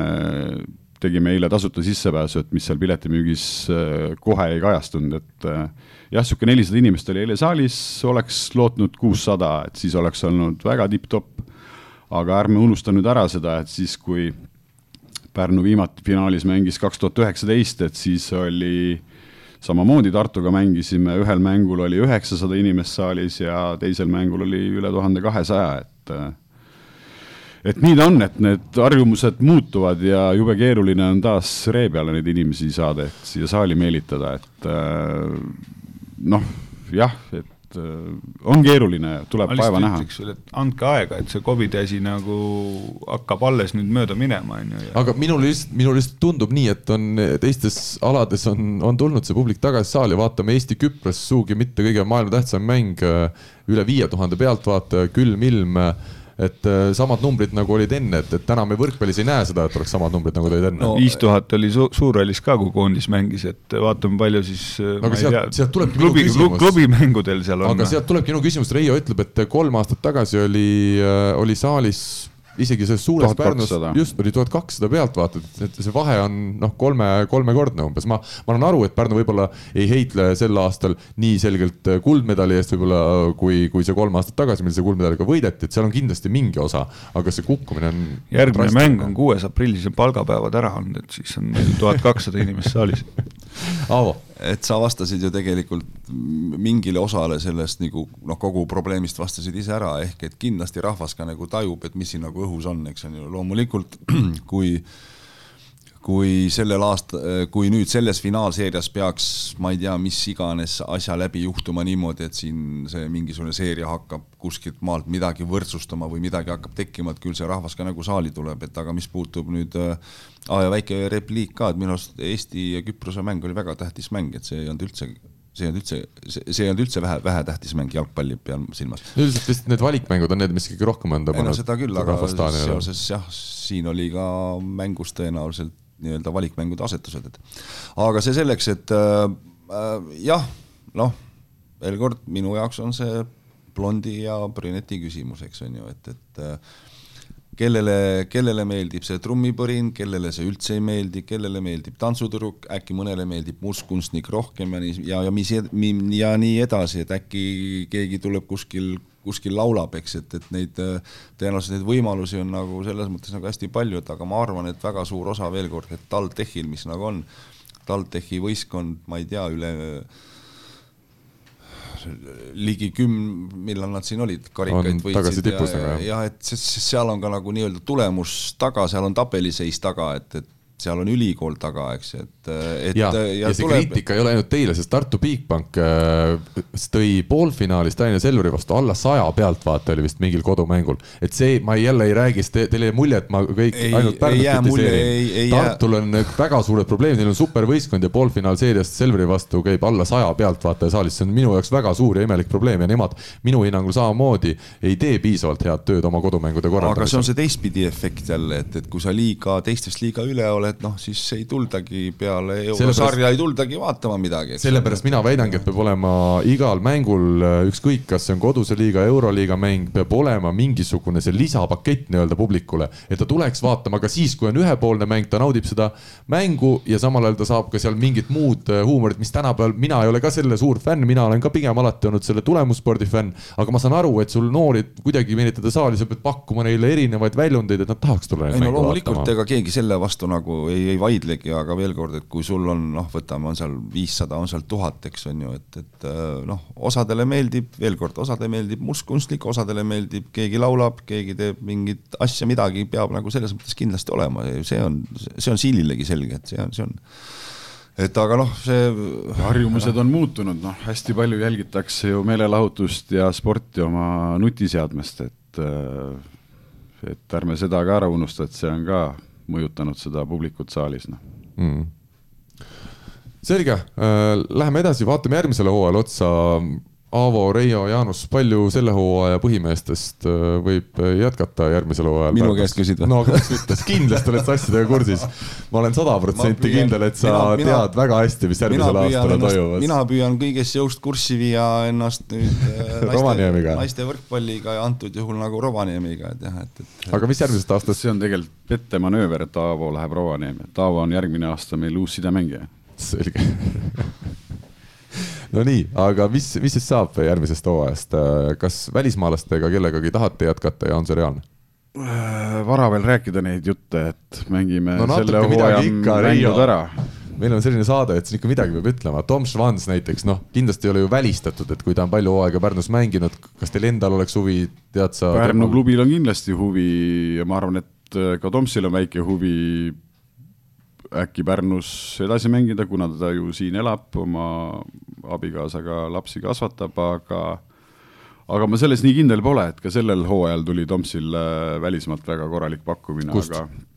natukene hilja tema ja siis uue klubi jaoks, et me just olime jõudnud rahvusvahelised üleminekud ära maksta ja Läti alaliidule, et oleks see pakkumine tulnud kümme päeva varem, et siis oleks Toms mänginud tõenäoliselt äh, Prantsusmaa kõrgliigas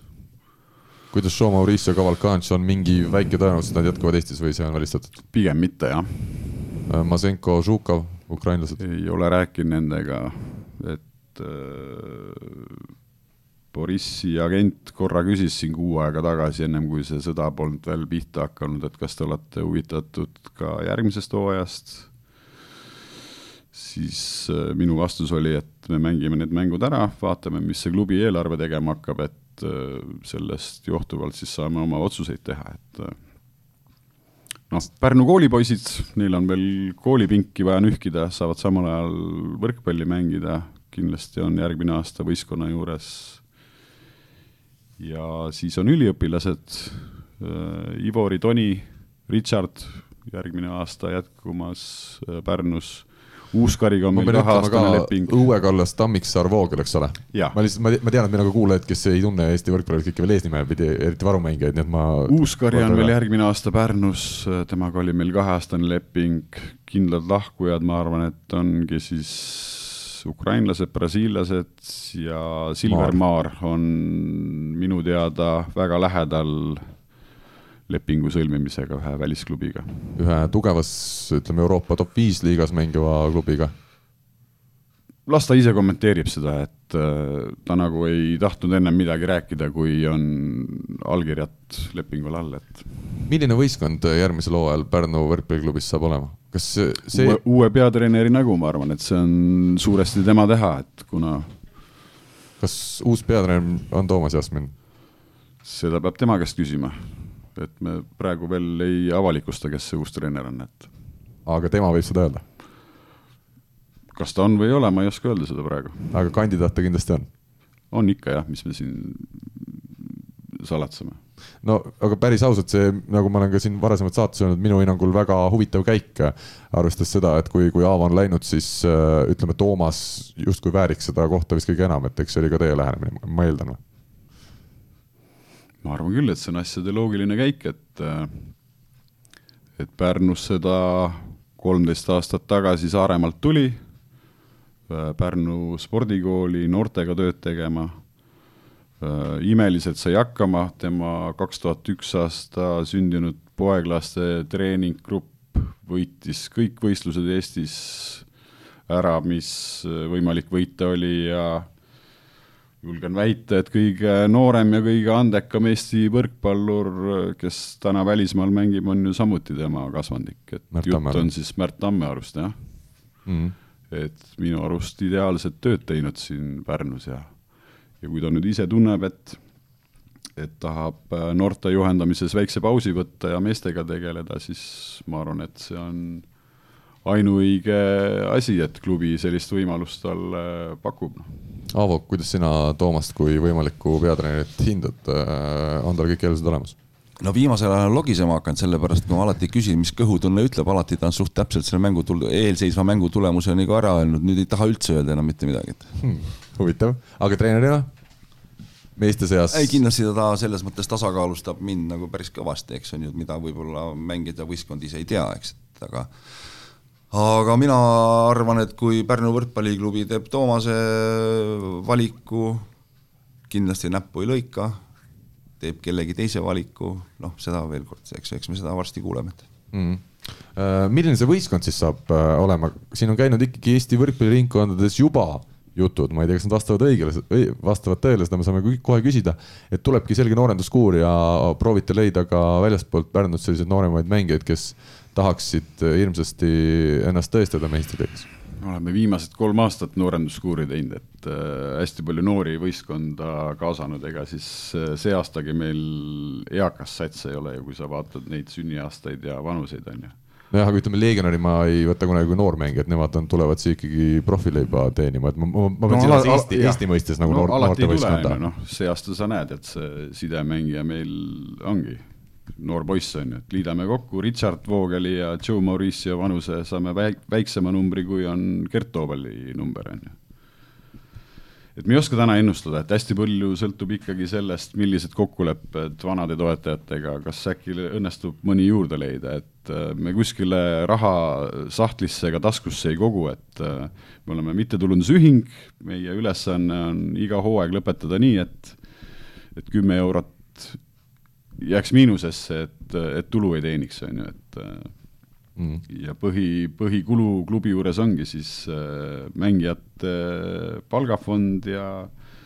ja staffi palgafond ja, ja siis osalemiskulud ja riiklikud maksud, on ju, et äh, noh mm., nii me siin seda toimetame, et äh, palju meil vahendid on, need me kõik ära raiskame ja kui on valida, tulen veel tagasi selle tsirkuse ja meelelahutus, tantsijate, tulede-vilede juurde, et äh,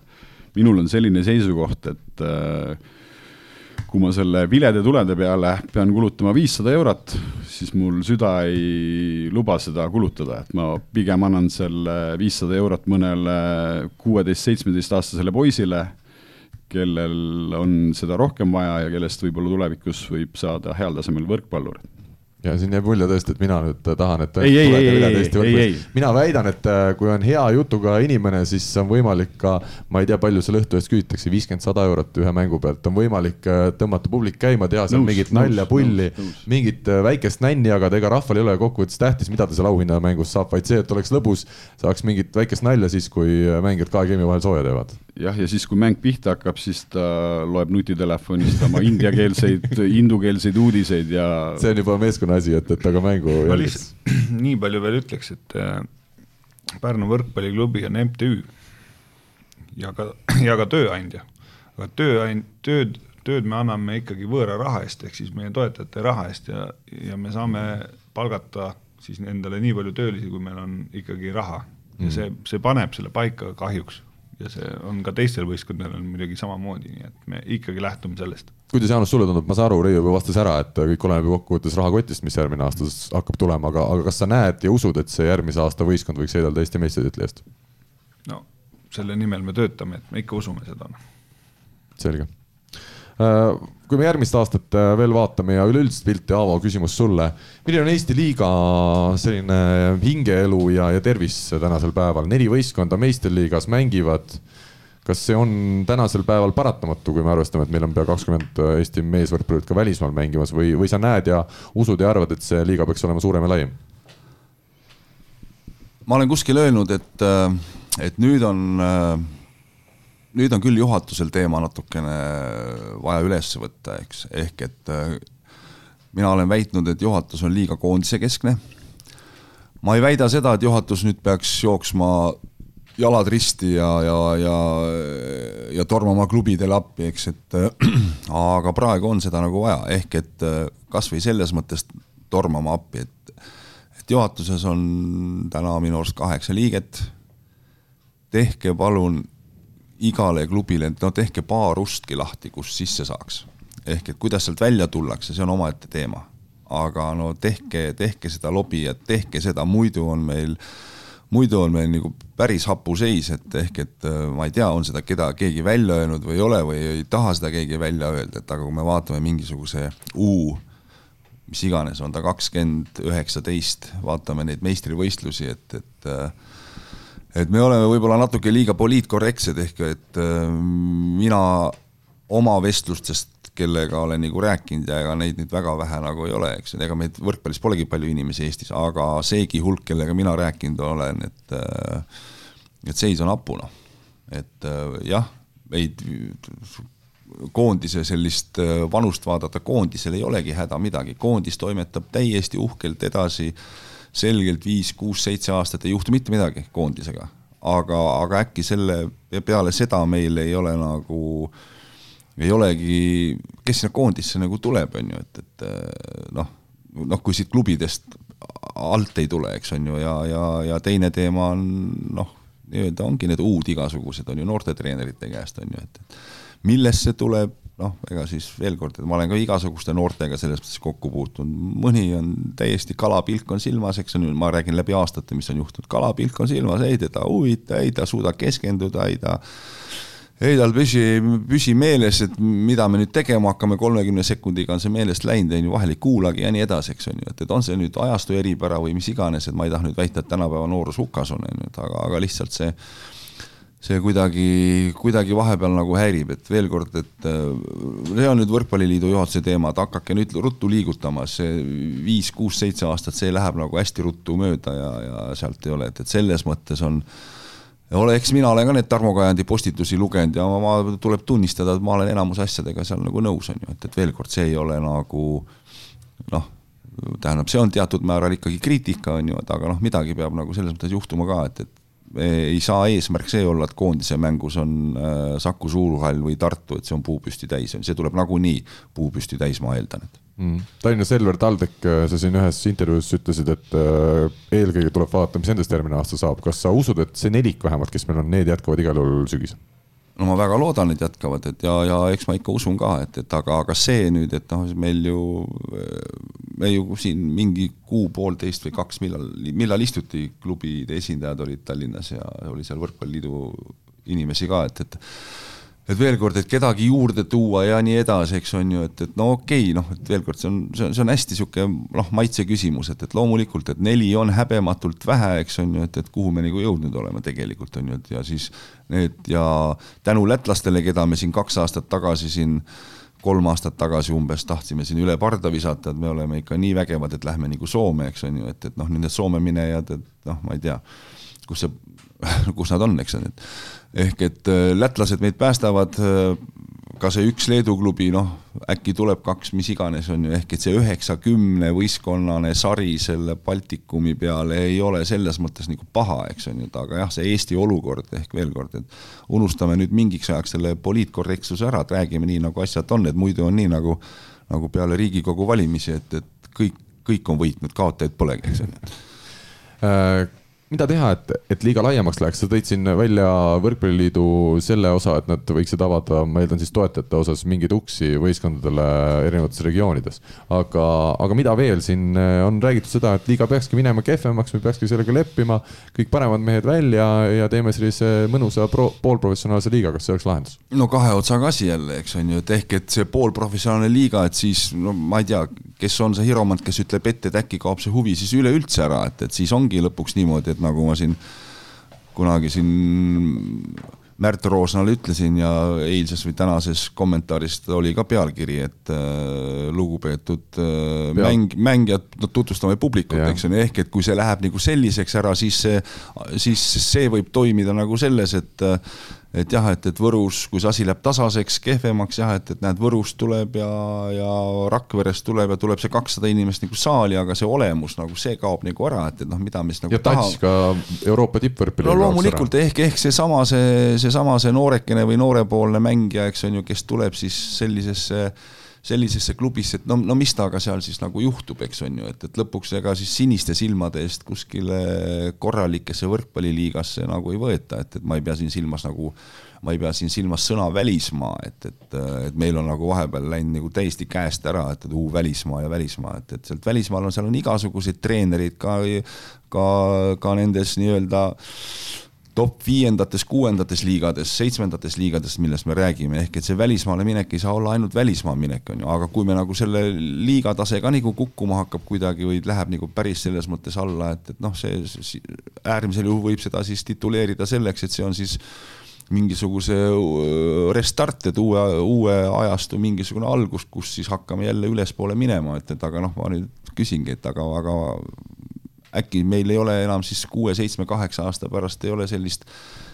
sellist koondist ka, kus saab öelda, et meie koondises on kurat viis meest mängib meistrite liigat ja, ja, ja, ja nii edasi või üleüldse mängib top kolmes äh, Itaalia, Poola, Venemaa liigades mängib meil kurat viis-kuus meest on ju, äkki see hakkab ära kaduma, siis ei mängi lihtsalt. Jaanus. ma nagu ei pea nagu vähetähtsaks, vähetähtsaks ka seda, et, et mis see tippsport on, on ju, tippsport, tippsport on ikkagi eeskujude loomine, on ju. ja kui me laseme selle supi siin nagu jube lahjaks, on ju, siis see noor ei tahagi enam võrkpallitrenni minna, sest ta ta ei taha olla järgmine, ma ei tea, Gert Toobal või siin, kes meil siin need koondised, Oliver Vennod või ja nii edasi, on ju. et see on minu arust hästi tähtis, on ju, et, et me toodame tegelikult eeskujusid, ka kohalikke superstaare, on ju ja need noored on ju, needsamad mudilased on ju, nad tahavad minna trenni, sest tema, tema tahab ka olla Gert Toobal või Oliver Venno või Robert Täht on ju, et noh, et see on minu arust, ei ole üldse vähetähtis, on ju, ja nii me saame need lapsed siia trennidesse, me saame nad ka sealt, ütleme, sellest nutimaailmast natuke eemale, on ju, et kui see õuesport on niikuinii vähenenud, siis vähemalt saame nad trennidesse. kas juhatuses on meil, jaa? ja by the way, muidu mina olin Kardo Kõresaare lemmikmängija kunagi kas juhatuses on meil Võrkpalliliidus neid inimesi selliseid, kes aitavad neid uksi lahti teha? ega Võrkpalliliidu, tähendab, ega Võrkpalliliidu ülesanne minu niisuguse lihtsa maamehe loogika järgi on see, et lahendada probleeme juhtida ka selles mõttes nagu ala, eks on ju, aga, ja, ja sinna lisandub väga jõuliselt kõrvale ehk et kindlustada nii-öelda rahalised vahendid, eks on ju. see veel kord, et, et kui seal on ettevõtjad, seal on poliitikuid ja nii edasi, kes iganes seal nagu on, et et ega Võrkpalliliidu juhatuses noh, noh, hea oleks, kui oleks mingisugune nii-öelda, tähendab mees põllult ka, eks on ju, aga veel kord, see mees põllult noh, tema võib ju genere-, tema võib ju öelda, et kuule, nii peaks ja nii peaks ja nii peaks, no, no aga mida sa siis teed, kui sul pole nagu vahendeid ehk et see on nii, see, see on nagu ülitähtis, ehk kui, kui seal on selles mõttes ühiskonnas mõjukaid inimesi, kes on omal alal, et no tulge nüüd appi, on ju, et, et lükake nüüd see Reio või Juku või, või Rikand kuskilt uksest nagu sisse, eks, kuidas nad sealt välja tulevad, see on nagu teine teema, eks on ju, et kasutage seda, et, et noh, ma ei tea, on see legend või mitte, aga mina tean see, et, et äh, kadunud Aadu, Aadu Luukas oli ikka ühte meest saunalava peal nagu näpistanud, et kuule, nüüd tuled võrkpalli ja nii on, eks on ju, et eh, noh, võiks olla selliseid asju, eks on ju, noh, tähendab muidu me, minu sihuke, äkki ma olen pessimist, aga minu see on veel kord, et meie koondis äkki seitsme, kuue, seitsme, kaheksa aasta pärast pole enam see koondis, mis praegu on. küsimus äh kus te näete järgmisel hooajal, mis on kõige tõenäolisemad kohad, kes võiks meistriliigas mängida? siin on räägitud Võrust, Võrus ma tean, keegi juba ütles, et äh, see oleks liiga suur samm ja kogu austuses Võru võistkonna vastu, kes on väga vahvalt esiliigas esinenud ja eriti suur kiitus tõesti endale taustajõududele seal, siis seal ei ole tasemelt ühtegi meest ilmselt, kes meistriliigas taseme välja kannataks. Viljandi täpselt sama, ma eeldan, Meelis Kiviselt, nende liider, on just sellepärast ju läinud esiliigasse mängima, et ta ei taha enam igapäevaselt äh, mängida väga tõsiselt võrkpalli, et, et kes need mehed oleks, kes hakkaks vedama neid võistlusi, kas, kas te näete muid variante või siin on käinud nüüd viimase nädala-paari jooksul Rae, Rae läbi kui võimalik liituja meistriliigas? No ma räägin, eks see kuldne rõngas võib-olla ongi selles mõttes päästetee, mis seal ümber Tallinna nagu on, eks on ju, ehk et seal on oma, seal on võimekad omavalitsused, selles mõttes võimekad, et seal on palju maksumaksjaid, eks on ju, see, see asi koondub sinna, ehk et seal seda maksuraha tuleb, sinna on ettevõtted koondunud ja nii edasi, et et noh, mina arvan, et pigem on see sealt või siis äärmisel juhul ka, või noh, mitte nüüd äärmisel juhul, aga sinna lisaks mina oma, oma mõistusega lisaks ka võib-olla selles mõttes, et et äkki noh, Tartu kandi pealt ka midagi klapitakse kokku sealt mitme võistkonna pealt, et kaasates ka võib-olla sinna selle Võru, aga veel kord see, seal peab olema, noh, seal peavad olema selles mõttes tingimused, et, et me saame, see ei saa tulla sealt äh, kindlasti mitte täisprofi teema, eks on ju, et, et seal inimesed käivad tööl, kes õhtu tõsiselt tegelevad ka võrkpalliga, nii nagu paljud ka praegu meistriliiga mängijad, et et see saab olla nii, aga Jaanusega sada prossa nõus, et ei saa seda suppi, no ei saa nii teha, et teeme restardi ja viis-kuus aastat, kolm-neli-viis-kuus aastat teeme ja siis on jälle vägev, et, et eeskujud peavad olemas olema. ma veel lisaks selle siia, et, et kui me räägime kogu aeg meedia jõust, on ju, siis minu arust on siin ikkagi ajakirjanikel ka nagu kõvasti tööd teha nagu ja kaasa aidata, on ju, ja noh ma ikkagi räägi-, olen seda rääkinud tegelikult paar aastat juba, võib-olla mitte avalikult, aga et kui ikka ajakirjanikud hakkavad nagu kirjutama, miks on hea sporti toetada ja miks on need põhjused ja ütleme, seda teemat, millest kirjutada, siin tuua näiteid, neid kas Urmas Sõõrumaa ja miks ta on aastaid seda teinud ja ja põhjendab ja kui küsida sealt intervjuusid ja neid lugusid, et noh, see ongi okei okay,, on tippsporti toetada ja üldse sporti, on ju, ja ja mis me sellest saame, siis ma arvan, et noh, võib-olla mitte esimese nelja-viie kuuga, on ju, ei hakka siin hullult massiliselt keegi sporti nagu toetama, aga võib-olla kui me kas või korra kuus saame niisuguse mõnusa noh, positiivses võtmes nagu loo kuskile suurde ajakirjanduse, et see, see hakkab tööle, on ju. ja kui see kuskil kas või Uugametsas mingi vend kaks tuhat euri annab kas või kohalikele sportlastele, siis see on nagu noh, me oleme saanud kaks tuhat eurot Eesti sporti, ma ei räägi üldse ainult võrkpallist, vaid nagu suure, suuremast tervikust, et nii et mm -hmm. spordiajakirjanikud, teil on ka siin suur osa üldse Eesti spordi mõjutamisel. no üldse, ega siin on ka Mart Juhkami läbi käinud selle teema vist võrkpalligrupis, et täna see, mil moel ka Eesti meistrivõistluste poolfinaalseeriaid ja, ja finaalseeriaid kajastatakse või, või kajastamata jäetakse, et paratamatult millegipärast võrkpall ei ole see ala, kus äh, kõikidel finaalmängudel oleks kõikide suuremate meediaesindajate äh, reporterid kohal. no eks seal ongi tegemist nagu võimekusega, eks on ju, et veel kord, et ei tasu halvustada seda võrdlust ka, et, et väike riik, vähe inimesi ehk et äh, spordiajakirjanik, tal ongi mitu ala, eks on ju jaga ennast selle vahel, noh, ma räägin, on ju, tal on, tal on palju, et, et et ei ole nii nagu suur, suurriigid, et noh, jätame, jätame jalgpalli nagu kõrvale, eks on ju, aga võtame need teised spordialad, et see on, see on võrkpalliajakirjanik, see räägib kergejõustikust või, või isegi äkki räägib teivashüppest ainult, eks on ju, vahet pole, eks on ju, et, et seal on nagu nagu inimesed on spetsialiseerunumad ja, ja, ja, ja tähendab, see võimekus, nii-öelda see noh, finantsiline võimekus, et seda nagu lubada, on nagu olemas, et meil seda lihtsalt ei ole, et ja sellepärast peabki ajakirjanik tõmbama ka siin panema siin kahe, kolme, nelja linna vahel ja leidma alad ja, ja seal ja tekib olukordi, kus jääbki mingi asi nagu tahaplaanile ja, ja võib-olla noh, väga ei oska ka, eks on ju, ja, ja nii edasi, et. kiidaks Pärnu võistkonda siin ka, muidu on ainult jääb jälle mulje, et, et kõik on halvasti. see, mis te olete teinud neile oksjonisarjaga, võib juba nimetada Facebooki lehel. julgen öelda, Eesti võrkpallis sel sajandil ilmselt üldse üks ilusamaid selliseid ettevõtmisi ja suuremaid ettevõtmisi. Äh, Tamar Nassar, ma saan aru, on olnud selle idee algataja ja, ja eestvedaja. täpselt nii. nii et Tamarile. temalt see idee tuli ja, ja osalege jah, et äh, saate vahvad särgid omale soetada oksjoni korras ja kõik raha läheb ukrainlaste toetuseks, et äh, viimased särgid veel sel ja järgmisel nädalal, siis oksjon saab läbi. palju te olete raha juba kokku saanud selle ettevõtmisega? Äh, kui need summad nüüd sisse arvestada, mis oksjonid täna lõpevad, siis on koos juba üle kolme tuhande euro mm.. aga ma usun, et see summa võib kahekordistuda kahe viimase särgiga mm.. Need viimased kaks särki on? tuleb täna õhtul vaadata Pärnu võrkpalliklubi Facebooki lehte. selge, jääme huviga ootama. Aavo, sa juba tead, kes need on? mina tean jah, et.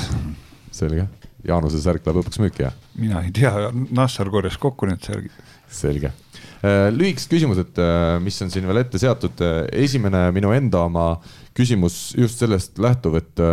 et kui ei ole alati meediat kohal, siis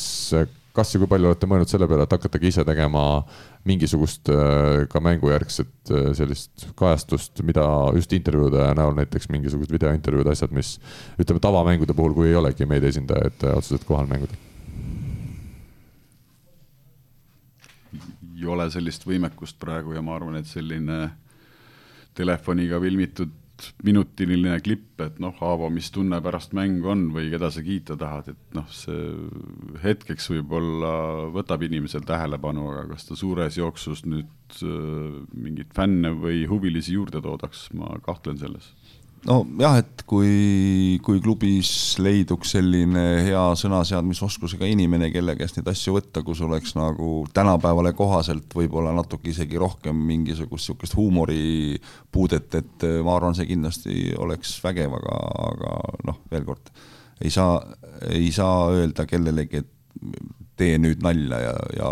ja räägi, eks on ju, et see võib väga haledalt välja kukkuda nüüd äh, Mihklilt äh, paar küsimust, ma tean, teil on hästi kiire, kell on äh, nelikümmend viis, mitu minutit meile annate veel? seitse. Aavoga me saame edasi rääkida. mina võin kaua olla ja, siin jah. aga paar küsimust, jõuame veel. esimene küsimus Mihklilt, miks on Pärnumaal kümne aastaga võrkpalliharrastajate arv vähenenud Eesti spordiregistri järgi praegu kolmsada seitsekümmend seitse, aga aastal kaks tuhat kümme oli kuussada kakskümmend üks. samas ootasin Eesti... seda küsimust, ootasin seda küsimust. ma loen lõpuni, samas kui kogu Eesti on võrkpalliharrastajate arv samal ajal suurenenud circa tuhande võrra Pärnus ei ole võrkpalli harrastajate arv vähenenud, lihtsalt kahe tuhandendate, mis sa ütlesid, kaks tuhat kümme või? kaks tuhat kümme on siin võrdlus, jah? Äh, jaa, kaks tuhat kaheksa või üheksa vist kolis Pärnu võrkpall Rabahallist äh, Pärnu spordihalli. ennem seda olid kõik noored lapsed, mitte kõik, aga hästi palju lapsi oli ka Pärnu võrkpalliklubi treeninggruppides. ja need tulid kõik üles, üle Pärnu linna spordikooli ja seal juhtus nii, et spordiregistris äkki kaks või kolm aastat jooksid need samad topelt, numbrid. ja, ja mina Pärnu võrkpalliklubisse tulin, vaatasin, opa, meil on klubis üle kas ligi kolmsada harrastajat või, ma küsisin, kus nad on. et see on puhas äh, statistiline viga. viga see ei vasta tõele need numbrid. veel lühidalt, kuidas ja kes tegeleb Pärnus ja maakonnas võrkpalli populariseerimisega, pean silmas, et kindlasti tegeleb Pärnu võrkpalliklubi oma klubi tegemistega, kas lisaks sellele tegeletakse või tegeleb keegi ka ala üldise populariseerimisega, näiteks koostöö haridusasutustega, omavalitsusega, uute klubide või treeninggruppide loomine maakonda ja selline, muu selline? noorte treeninggruppidega oleme klubiga tegelenud jah, kui me näeme, et seal äh, on vaja sellega tegeleda, aga viimased aastad on kõik need treeninggrupid lapsi täis, et äh, pigem on vaja treenerite kohtasid juurde ja ja suuremas plaanis on ikkagi need ülesanded ju Pärnu linna spordinõunikul, et äh, mm. et klubi sellises mõttes omale sellist suurt vastutust äh, linnas ja maakonnas küll ei tahaks võtta, et me oleme ikkagi üks väike MTÜ, et äh, tahame küll kaasa rääkida läbi spordiliitude, aga ma eel-, ma eeldan, et Mihkli küsimus oli võib-olla äkki rohkem selles, selles nagu mõeldud, et palju klubi nagu käib ja teeb ja küsib ja otsib nagu lapsi, eks on ju, et, et noh, Pärnu klubi on selles mõttes seda nagu teinud, et meil siin Tõstamaal on ju käinud treeninggrupid, Audrus on, kas Häädemeestel oli ka või? oleme käinud, jah. jah, et nagu seal on nagu need asjad nagu olnud, aga veel kord, siin me kolmekesi istume et. aga siinkohal oleks võib-olla rääkida ära see lugu, paljud võib-olla ei teagi. et äh, Märt Tammearu tee võrkpallis algaski Audru kooli Pärnu võrkpalliklubi tutvustavast äh, treeningust. ta oli samal ajal oma vanuseklassis äh, Eesti jalgpallikoondises äh,, tuli meie sinna tutvustavale treeningpäevale kohale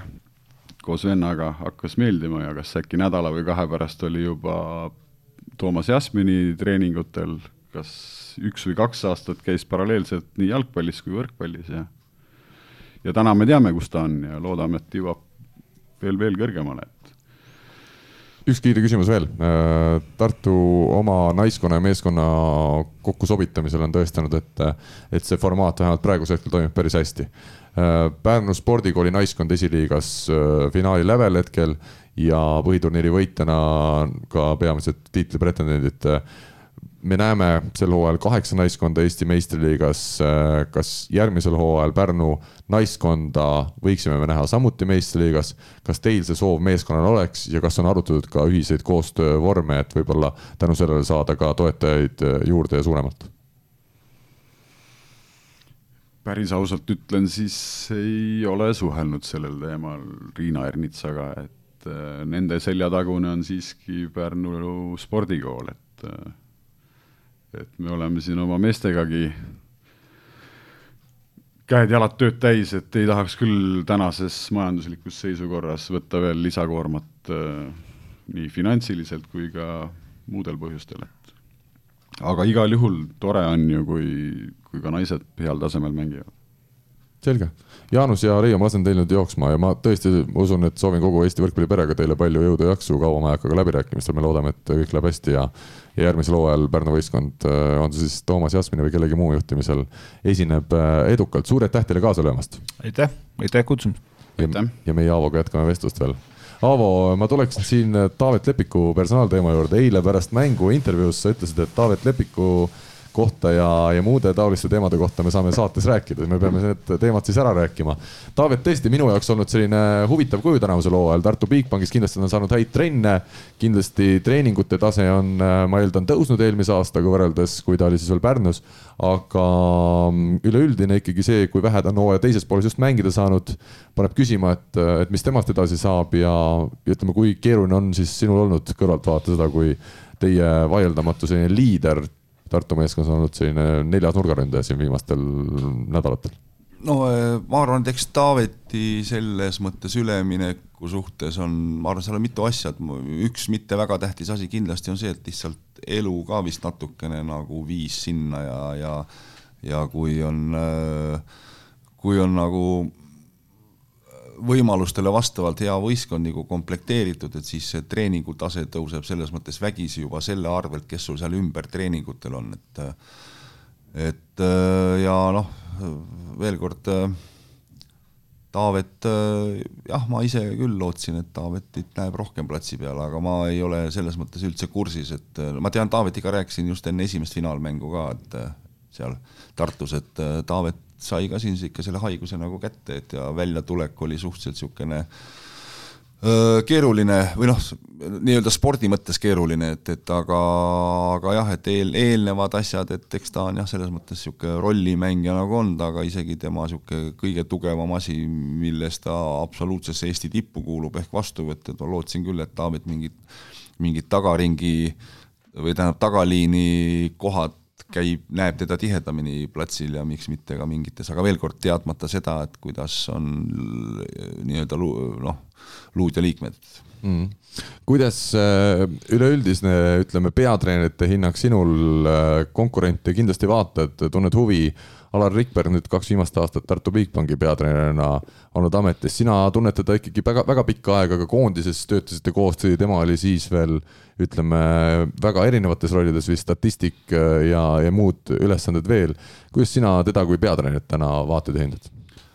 No seal tuleb talle selles mõttes nagu aega anda, et see on teine aasta vist, eks praegu, et eelmine aasta ta nagu oli, et, et sealt tuli, sealt tuli Eesti meistritiitel ja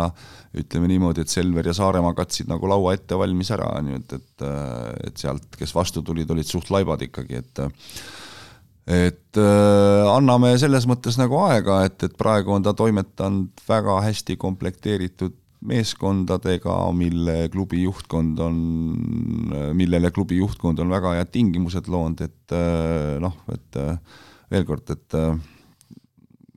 ma arvan, et Alari suhtes saame selles mõttes nagu vastuse anda siin kindlasti võib-olla mingisuguse noh, ma ei tea, kui ta on neli-viis aastat tööd teinud, et, et kuidas siis on, ehk et tahan seda öelda, et et et selles mõttes hinnangut anda, et peaks olema treener suht igasugustes olukordades, igasuguste võistkondadega selline küsimus ka, kuna Alar meil ka saates vahel kaasa on löönud, siis äh, ja ta julgeb päris, äh, päris ausalt sõna võtta tihti. kuidas sulle ta sõna, sõnavõtud reeglina sobivad, kas äh, enamusega, mis ta ütleb, oled, oled nõus või, või tihti vaidled ka vastu? ei, selles mõttes, et Alari suhtes võib öelda, et enamusega olen ma nagu kindlasti nõus, aga on ka kindlasti selliseid kohti, kus, kus hea meelega nii-öelda vaidleks ja argumenteeriks, et aga, aga kui täpsemalt küsid, siis ma pean hakkama neid saateid järgi kuulama, mida ma ei ole kordagi teinud, et. selge. Äh, Andres Toobal, peatreener Tallinna Selveris, kuidas sulle tema treeneri ametisse sobimine tundub? no Andresel on selles mõttes äh, natukene keeruline olnud, et et äh, noh, veel kord, kui sul ikkagi kõige olulisem mängija nagu läheb ära, siis äh, noh, no tähendab, siis ongi nagu raske, vaata, mis see pronksi seeria nagu toob, eks on ju, et äh, et noh, et kui ta pronksi, pronksi võidab, siis on nagu hästi, siis on keegi teine kehvasti jälle ja kui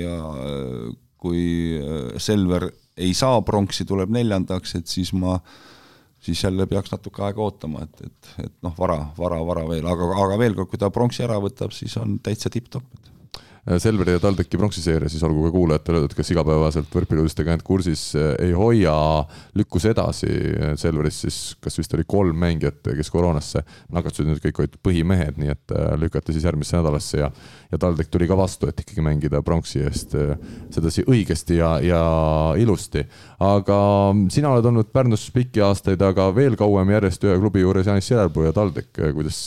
tema sulle treenerina on tundunud? Noh, lähme nüüd paar vastust tagasi, et, et äh, kui neljas koht tuleb, siis on äh, noh, siis on kehvasti, et nii on lihtsalt. selle materjaliga sa arvad, oleks pidanud olema? ei no veel kord, tähendab, et äh, siin mängitakse seeriaid Estikates, et seal see juhuslikkust on ikkagi palju-palju vähem kui Balti liiga igasugused äh, nii-öelda, tähendab Final Fouri, Fouri pean silmas, seal on ühest mängust, seal võib nagu selles mõttes kõike juhtuda, ehk et seeriaid mängid seal ju ikkagi noh, seal jääb seda seda vaidlus, vaidluse ruumi nagu vähemaks, et, et loomulikult, kui sul nagu kaob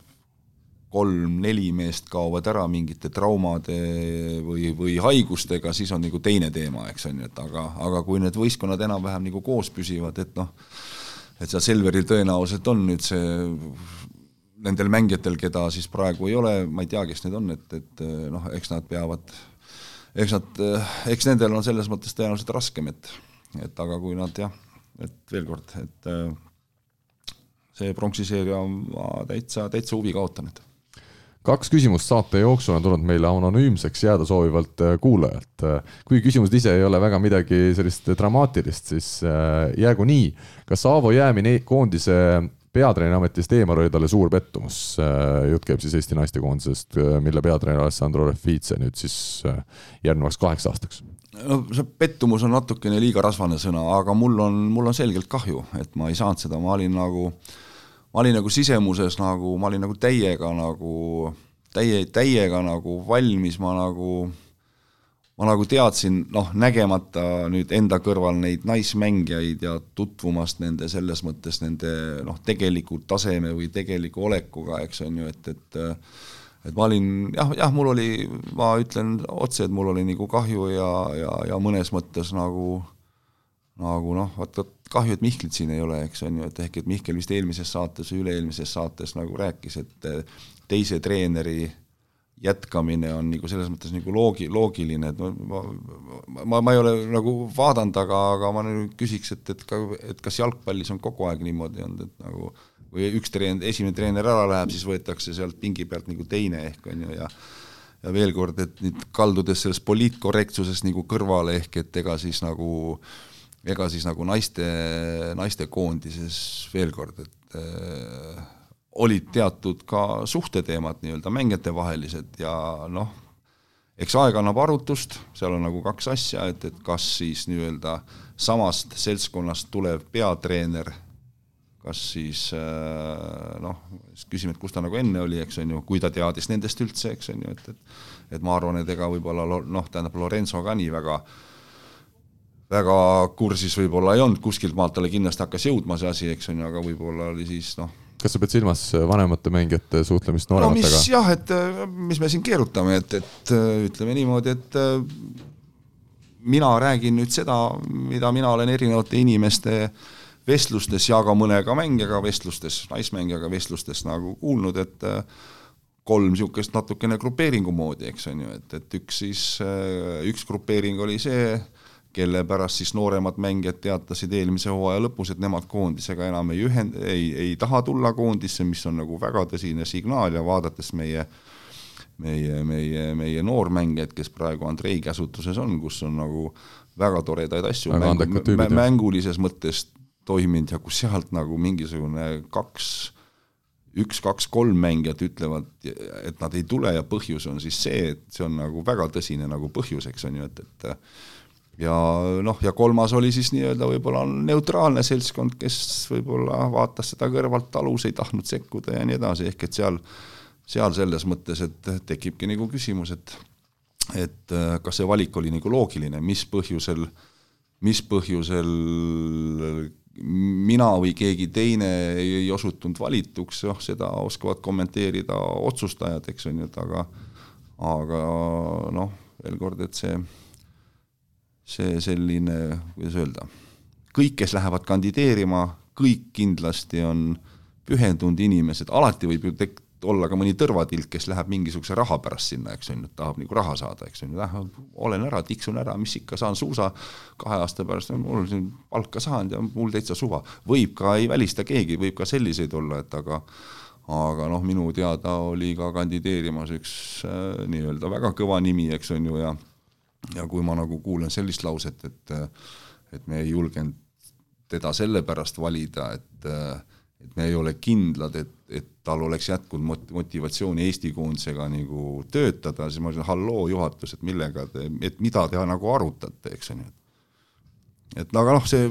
veel kord, siin on, siin on väike annus, minu jutus on väike annus, noh, teatud sellist veel kord kahjutunnet ja, ja veel väiksem annus kibestamist, aga jah, nagu niisugune minu loogikasse võib-olla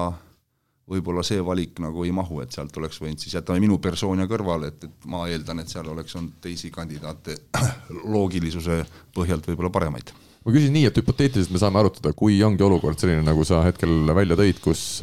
kus võistkonna sees tekivad erinevad grupid, kuidas sina lahendaks seda, kas jätta mingid mängijad siis kogenumad koondisest välja või, või üritada ikkagi kõiki veel sobitada? Kui ma käisin, see oli eelmine teisipäev, noh, minul seoses oma paiknemisega on ju, minul oli võimalik käia siis nii-öelda niisuguse väiksema grupi ees, kelle, kes tegi siis nii-öelda, pidas minu, minu tea-, teadaolevalt äh, pidas siis äh, välistreeneritega videosilla ühenduse vahel neid intervjuusid ja et äh, minul oli võimalus kohale minna, mind sinna kutsuti ja, ja ma olin ise ka sellega, olin nagu väga päri, et, et et äh, siis ma nagu ütlesin, et kellega sa alaliselt suhtlesid või kes seal no seal olid, alguses oli äh, president, alaliidu peasekretär, siis oli naiskonna mänedžer Mihkel Sagar ja siis olid kaks juhatuse liiget, Tarmo Keskküla ja Jano Haidla. ehk see oli siis tegelikult see grupp, noh, kes peabki selles mõttes nagu eeltöö nagu tegema, et siis minna noh, nii-öelda laiemasse juhatusse, eks on ju, et, et et ähm, äh, kui ma seal olin, eks siis nagu oli ka sellist teemat seal üleval meil ja noh, ma ütlesingi, et, et et ma kindlasti proovin ja kui, kui ei õnnestu, siis no siis ma pean teatud otsuseid tegema, eks on ju, et, et et ma ei oska öelda, millised nad nagu, nagu on ja ja mul on nagu vara selles mõttes nagu rääkida, ehk et ehk ma ei saa ju minna äh, tähendab, naiskonna liikmetega ma oleks aktiivselt suhtlema hakanud kohe peale minu, kui oleks tehtud minu suhtes positiivne, noh, tähendab minu valik oleks kinnitatud, et, et siis ma oleks, siis oleks hakanud mul see väga, väga tihe suhtlemine siin, kes siin Eestis olevatest äh, hetkemängijatest ja piiri taga olevatest mängijatest veel kord noh, video või tähendab veebi vahendusel ja nii edasi, et, et äh, minu plaanidesse kuulus see kahekümne viies kuupäev aprill, kus oleks koondis hakanud nagu tööle, et, et et see, see oleks olnud kõige raskem tõenäoliselt jah, selles mõttes nagu ülesanne, et Äh, siin see teine küsimus nüüd sellelt samalt kuulajalt oli, kas see oli alguses seotud kuidagi Rovaniemi projektiga, see Eesti koondise peatreeneriks kandideerimine? jaa, see, see nagu loksus veel kord, et ma tõsi, tõsimeeli siin käsi ükskõik kus koha peal võin öelda, et see tuligi järsult, et, et siin noh, hea niisugune noor treener Vassiljev, et ühes saates ütles ka ju, Taavo ei tee ühtegi ilma niisugust mm -hmm. hästi läbi mõtlemata, pikemat ette vaatama, jah, on selliseid situatsioone ka, kus ma ei teegi, kus ma teengi selliseid otsuseid nagu pikemalt, aga see tuli nagu, veel kord, see tuli väga, väga, väga kiiresti, väga ootamatult äh, et see noh, Raudio helistas, eks on ju, siis ta, oli nii närviline, ta helistas mitu korda, ma ei saanud talle vastata, eks on ju, et, et ta muudkui helistas, eks ma küsisin, mis sul viga on, eks on ju, siis ütles, et vot niisugune asi on ju, et me siin istusime, siin see spordiakadeemia ja meie klubi ja nii ja naa, et, et et me üritame, et vaatame, kas õnnestub, eks on ju. noh, ühesõnaga see hakkas arenema ja siis tekkis nagu see teema, et, et siis see noh, ja, ja, ja, ja kuna oli, tähendab, Lorenzo teema ka ju õhku kohe just oli nagu kerkinud, eks on ju, et, et et noh, siis hakkaski see nagu kuidagi seal minu mõistes loogiliselt nagu kõlama, aga, aga miks mitte? Et miks mitte, et kui minna ja, ja noh, see kõlaski loogiliselt, et kuna sellel suvel Eesti naistekoondisel on hõbeliiga, äh, see on ja peale hõbeliigat noh, minu nägemuse järgi niisugune kahenädalane väike puhkus ja siis veel kuu neljaks nädalaks või viieks nädalaks koondis kokku võtta, äh, võib-olla mingisuguses teises äh, koosseisus, et ja see, ja sinna neid kõvasti kontrollmänge saada, et kuna ju teised Euroopa naiskonnad ju mängivad kvalifikatsioone, et keegi meiega ikka mängida oleks tahtnud, et et see oleks nagu see aasta, kus ma elan nüüd korralikult sisse, siis ma lähen Rovaniemele, kus, kus ma nagu elan veel rohkem sisse, mul on seal veel kord, ma ei väsi kordamast, mul on seal väga kvaliteetne staff just sellel alal, millest mina suht kaugel olen ja mida ma ei tee, ehk et minu spordiakadeemia õppejõud hakkavad mind harima nii psühholoogias kui ka kui ka, kui ka toitumises ja, ja, ja, ja mis ja noh, ja nii edasi, eks on ju, et, et et ma olen selle aasta Rovaniemel ja siis tuleb EM-i aasta ja et see nagu sobis mm. ääretult nagu minu mõistes loogiliselt nagu kokku ja, ja, ja miks mitte ja siis ma, siis nii see asi hakkas vaikselt, vaikselt veerema, et mitut Eesti naisvõrkpallit me Rovaniemist näeme, kindlasti sa ju oled üritanud või üritad kedagi sinna tuua, ma eeldan? jaa, ma olen äh,, ootasin selle otsuse ära, ehk reedese otsuse, ja peale seda ma kohe ühte üritasin, aga aga noh, see on nüüd see koht, kus, kus see ei ole üldse kindel, kas see inimene ka koondisse läheb. Mm.. ja see ongi kõige kurvem, et et ma loodan, et need noored tüdrukud räägitakse kõik üle ja ümber, aga, aga seal peab nagu tõsiselt asi muutuma, et selge, tänase saate lõpetuseks äh, meenutaks natuke Valeri Maksimovit ka, kes meie seast äh, lahkus äh, ööl vastu eilset seitsmekümne kahe aasta vanusena pärast pikka haigust. milline oli sinu kontakt temaga ja, ja millised meenutused? no viimane kontakt oli tegelikult päris ammu tagasi, noh, tal oli ju niisugune pikaaegne haigus, ehk et ma olin vist kas viimast aastat Selveris, ehk see võis olla hooaeg siis äh, kolmteist, neliteist. et ma läksin tema juurde koju rääkima, rääkima nüüd noh, nii-öelda natuke üldisemast nii-öelda Selveri klubist ja, ja niisugust mängudest ja sellisest äh, olukorrast ja mis ma sealt nagu tahan, et siis siis ta juba kannatas selle, selle haiguse all, et äh, et ja peale seda jah, peale seda kahjuks ei ole, vist, vist tegelikult äh, tähendab telefoni teel, ma arvan, et kak-, kaks korda, kaks-kolm korda kindlasti oleme nagu ühenduses olnud, et ta on, ta on nagu küsinud no, kõike, mis puudutab nagu võrkpalli, aga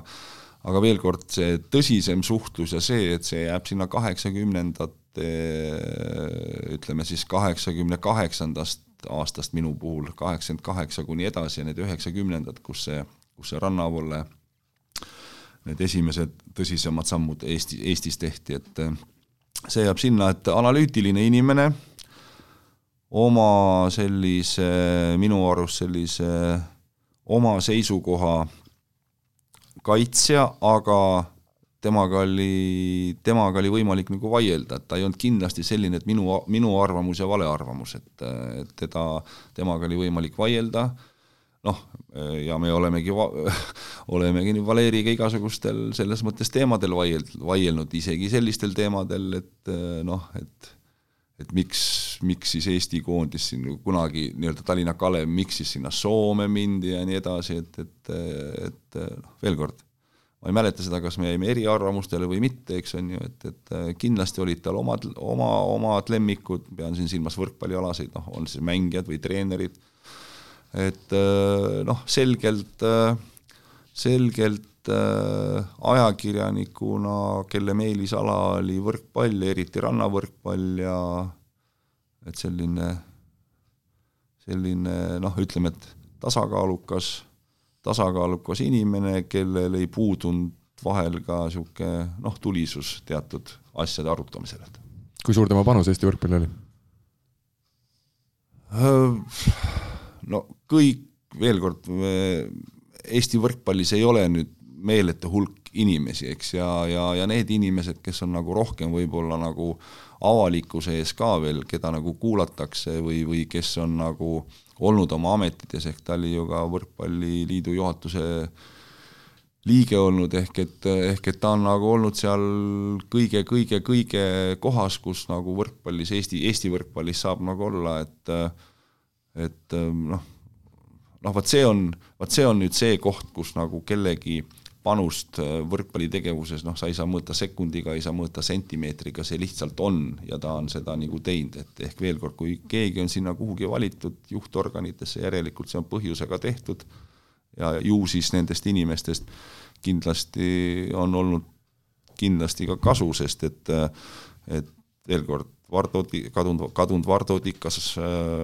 ja, ja Margus Niinemägi on ju noh, need esimesed MM-id ja Brasiilia sõidud, siis lisandusime mina ja Kaido sinna, siin, no ma mõtlen nüüd rannavõrkpalli, äh, noh, ja, ja lõppude lõpuks äh, noh, tuli see olümpiakoht, veel sellest, et ilma selleta kindlasti poleks olnud Kristjani ja Rivo maailmakarika etapivõitu, väga kõrget kohta maailma edetabelis, täpselt samamoodi olümpiakohta, et see on ju kõigiga seotud, ehk et kui üks inimene on olnud kuskilt algus, algusajast, kui seda rann-, kui siin mingit ala või antud juhul siis rannavõrkpalli on hakatud nagu Eestis tegema ja harrastama, siis, siis nende tulemuste põhjal, mis on, kuhu Eesti rannavõrkpallipaarid läbi aegade on nagu jõudnud, et ju siis sellest on väga kasu olnud. mina omalt poolt ütlen ainult lõppu nii palju, et äh, ma mäletan äh, kuna Valeri oli hea sõber mul isaga, siis äh, kui kord Valeri tahtis tulla minu rahvaliiga mängu vaatama, siis olgugi, et ta on olnud lapsest saati hea perekonnatuttav ja, hiljem võib teda nimetada sõbraks, siis äh, see närv, mis oli minul sees, kui, kui Valeri tuli mängima, ma ei tahtnud talle pettumust valmistada, et ma tahtsin ikkagi näidata, et ma natukene oskan ise ka võrkpalli mängida, nii et äh, jah. jah, eks ta on, vaata, kui sellised inimesed nagu tekivad tribüünile, ükskõik, äh, praegu rääkisime Valerist, aga, aga võtame natuke laiemalt, ehk et kui mingi, on ta siis mingisugune rohkem nime teinud treener või mingi sihuke äh, noh, võrkpalliga seotud näiteks äh, mingi avaliku elu nii-öelda tuntud tegelane, no võtame kasvõi kui noh, ma arvan, et kui meie võrkpalliliidu presidentki läheb kuskile AU mingi üheksateist, kakskümmend või aasta äh, Eesti meistrivõistluste mingit mängu vaatama, no eks need noored mängijad, eks nad ikka, et kuule,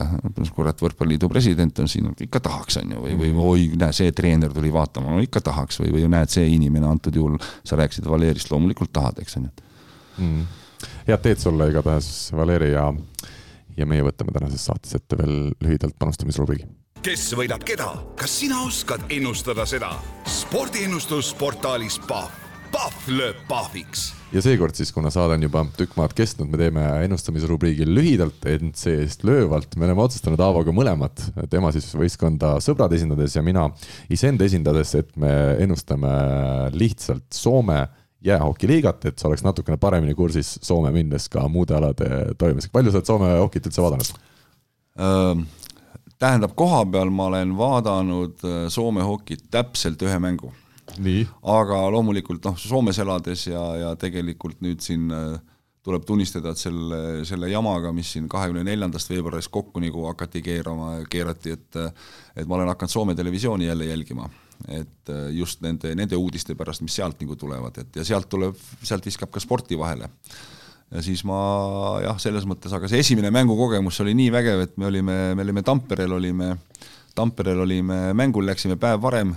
ja õhtu oli jäähokimäng, kus mängis Ilves ja siis oli see hel-, see Soom-, ei, ei Helsingis see IFK. ja, ja see, ja siis ja siis, kui ma seal tribüüni peal istusin, äh, siis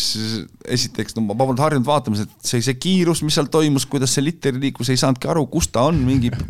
kepiklõbin käib kogu aeg ja siis, kui oli vaba värav, siis aru ei saanud, siis mõtlesin, oh nii ja siis tekkis niisugune hetkene niisugune arvamus, et oba, no kohe kordusest vaatan, mida see nagu, kus see kordust ei tule ju, kordus tuleb telekast, eks on ju. Ja siis ma harjusin, noh, ütleme niimoodi, et ma enam-vähem suutsin hakata mängu nagu jälgima, selles mõttes, kuidas littergi liigub või mismoodi mm -hmm. seal toimub, kuskil kolmandal veerandil, veere, veerandajal, et, et see oli, see oli vägev kogemus selles mõttes jah, et võib-olla litter suuremaks võiks olla siis idee soomlastele, kui no ma ei tea jah, kuidagi vilkuv või kuidagi mingi... vormelis tehti ju, autode rattad tehti suuremaks sel hooajal, võib-olla peaks midagi sarnast hokis välja mõtlema. aga jah, hokit võib ennustada küll, et nägin isegi Oulu kärpede treeneri intervjuud peale esimest play-off, play-off'is kaotatud mängu vist minu no arust. nii, aga täna meil äh, nende mängu ei ole, küll aga kuna sa ütlesid, IFK mängul oled käinud, IFK ja TPS mängivad Turu Pallase juures siis äh, vastaseks IFK-l äh, ja IFK mängib võõrsil, nende koefitsient kaks koma seitse, TPS-i võidukoefitsient kaks koma kolmkümmend kaks, äkki me leiame siit ühe toreda ennustuse ma paneks ikka TPS-i peale, et mul on, äh, mul on Turus on äh, kolm väga head sõpra, et selge, kas teeme äkki kombopanuse, ehk siis paneme kaks asja kokku ja loodame, et äh, läheb kõik tõeks? pakuks näiteks juurde Tappara Lukkot, Tappara mängib kodus üks koma kaheksakümmend üks, Lukko koefitsient võõrsil võidu eest oleks kolm koma viis. ahah no kuna eelmine oli, oli üle kahe, on ju, no ja. siis paneme, paneme koduvõistkonna jaoks ikkagi. meil on vaja pihta saada kuidagi. just, ja kolmkümmend läheb sinna ja tagasi tuleks siis sada kakskümmend kuus eurot sellest. kaks lihtsat ennustust. ta pole võitnudki nii, nii palju siin see on tõsi, eriti sõprade võistkond. Äh, aitäh sulle, Aavo, ja mina siis äh, võtan siit ette selle äh, selle teise või kolmanda mängu veel Soomest, seal mängib Jugurit Gogo, ka selline tore mäng on ja kindlasti Eesti võrkpallisõpru eriti huvitab, kumb selle mängu võidab. Neljapäeva õhtul, mina ennustan, et Jugurit võidavad ja ma panen sinna siis kogu oma kolmkümmend eurot, üks koma üheksakümmend neli on äh, koefitsient. aga aeg on tänane saade kokku tõmmata ja kokku võtta, suur aitäh sulle, Aavo, ma ei tea, kas jätan lõpusõnad seekord äh, sinule, sa oled, ma saan aru, meie saate kuulaja ikkagi olnud, selle eest suur tänu sulle ja, ja ma usun ja loodan, et see kindlasti viimaseks korraks, kui me siin mikrofoni taga kohtume, kes teab, võib-olla järgmisel aastal Rovaniemes jaa, et äh, aitäh, et äh, ma julgen väita, et ma olen tõenäoliselt peaaegu kõik saated ära kuulanud, julgen ka väita, et äh, ühtegi kahte korda kuulamist ei ole, kui sa räägid, et Rovaniemel, miks mitte, aga teil siin ju viimastes saadetes kuskil jooksis läbi, et Chicago on väga populaarne koht, kus teid kuulatakse, et äkki, äkki seal teed. ja kolmandaks siis jah, et ju sa pead mulle kunagi helistama või tegema, ehk meil kõige tähtsam teema jäi, jäi nagu arutamata, millest siin alguses nagu juttu oli, see oli nüüd, et et ma tahaks rääkida teemal nii-öelda vanakooli mehed, et kas see on pikem teema? see on, see on aga lepime siis see saame, on pikem teema et.... me saame teha sellise kokkuleppe, et kui sa oled Rovaniemis, ma olen küll ennegi lubadusi teinud, kõik need ei ole täitunud, aga, aga mul tõesti huvi oleks äh, huvi oleks Rovaniemis ära käia üle, üle kahekümne viie aasta umbes, nii et äh, võtaks oma podcast'i asjad autoga kaasa ja ma usun, et see siis oleks soovit, siis ma soovitan sul tulla kohe oktoobri alguses, sest et seal on selline sündmus toimub, mis on niisugune rahvalik sündmus, Lapis vähemalt, seda kutsutakse äh, ütleme siis eesti keeles, seda kutsutakse põhjapõtrade niisuguseks sorteerimiseks või asjadeks, kus osad lasta, kogutakse nad kokku sealt, osad lastakse minema, osad võetakse kasutusse äh, toidu ja mis iganes muu ots, ots, otstarbel ja see on nagu niisugune noh, see on niisugune jah, küpsetatakse vorste ja ollakse ja aetakse juttu, niisugune sotsiaalne, sotsiaalne üritus, et äh, ja oktoobri alguses äkki võib olla isegi seal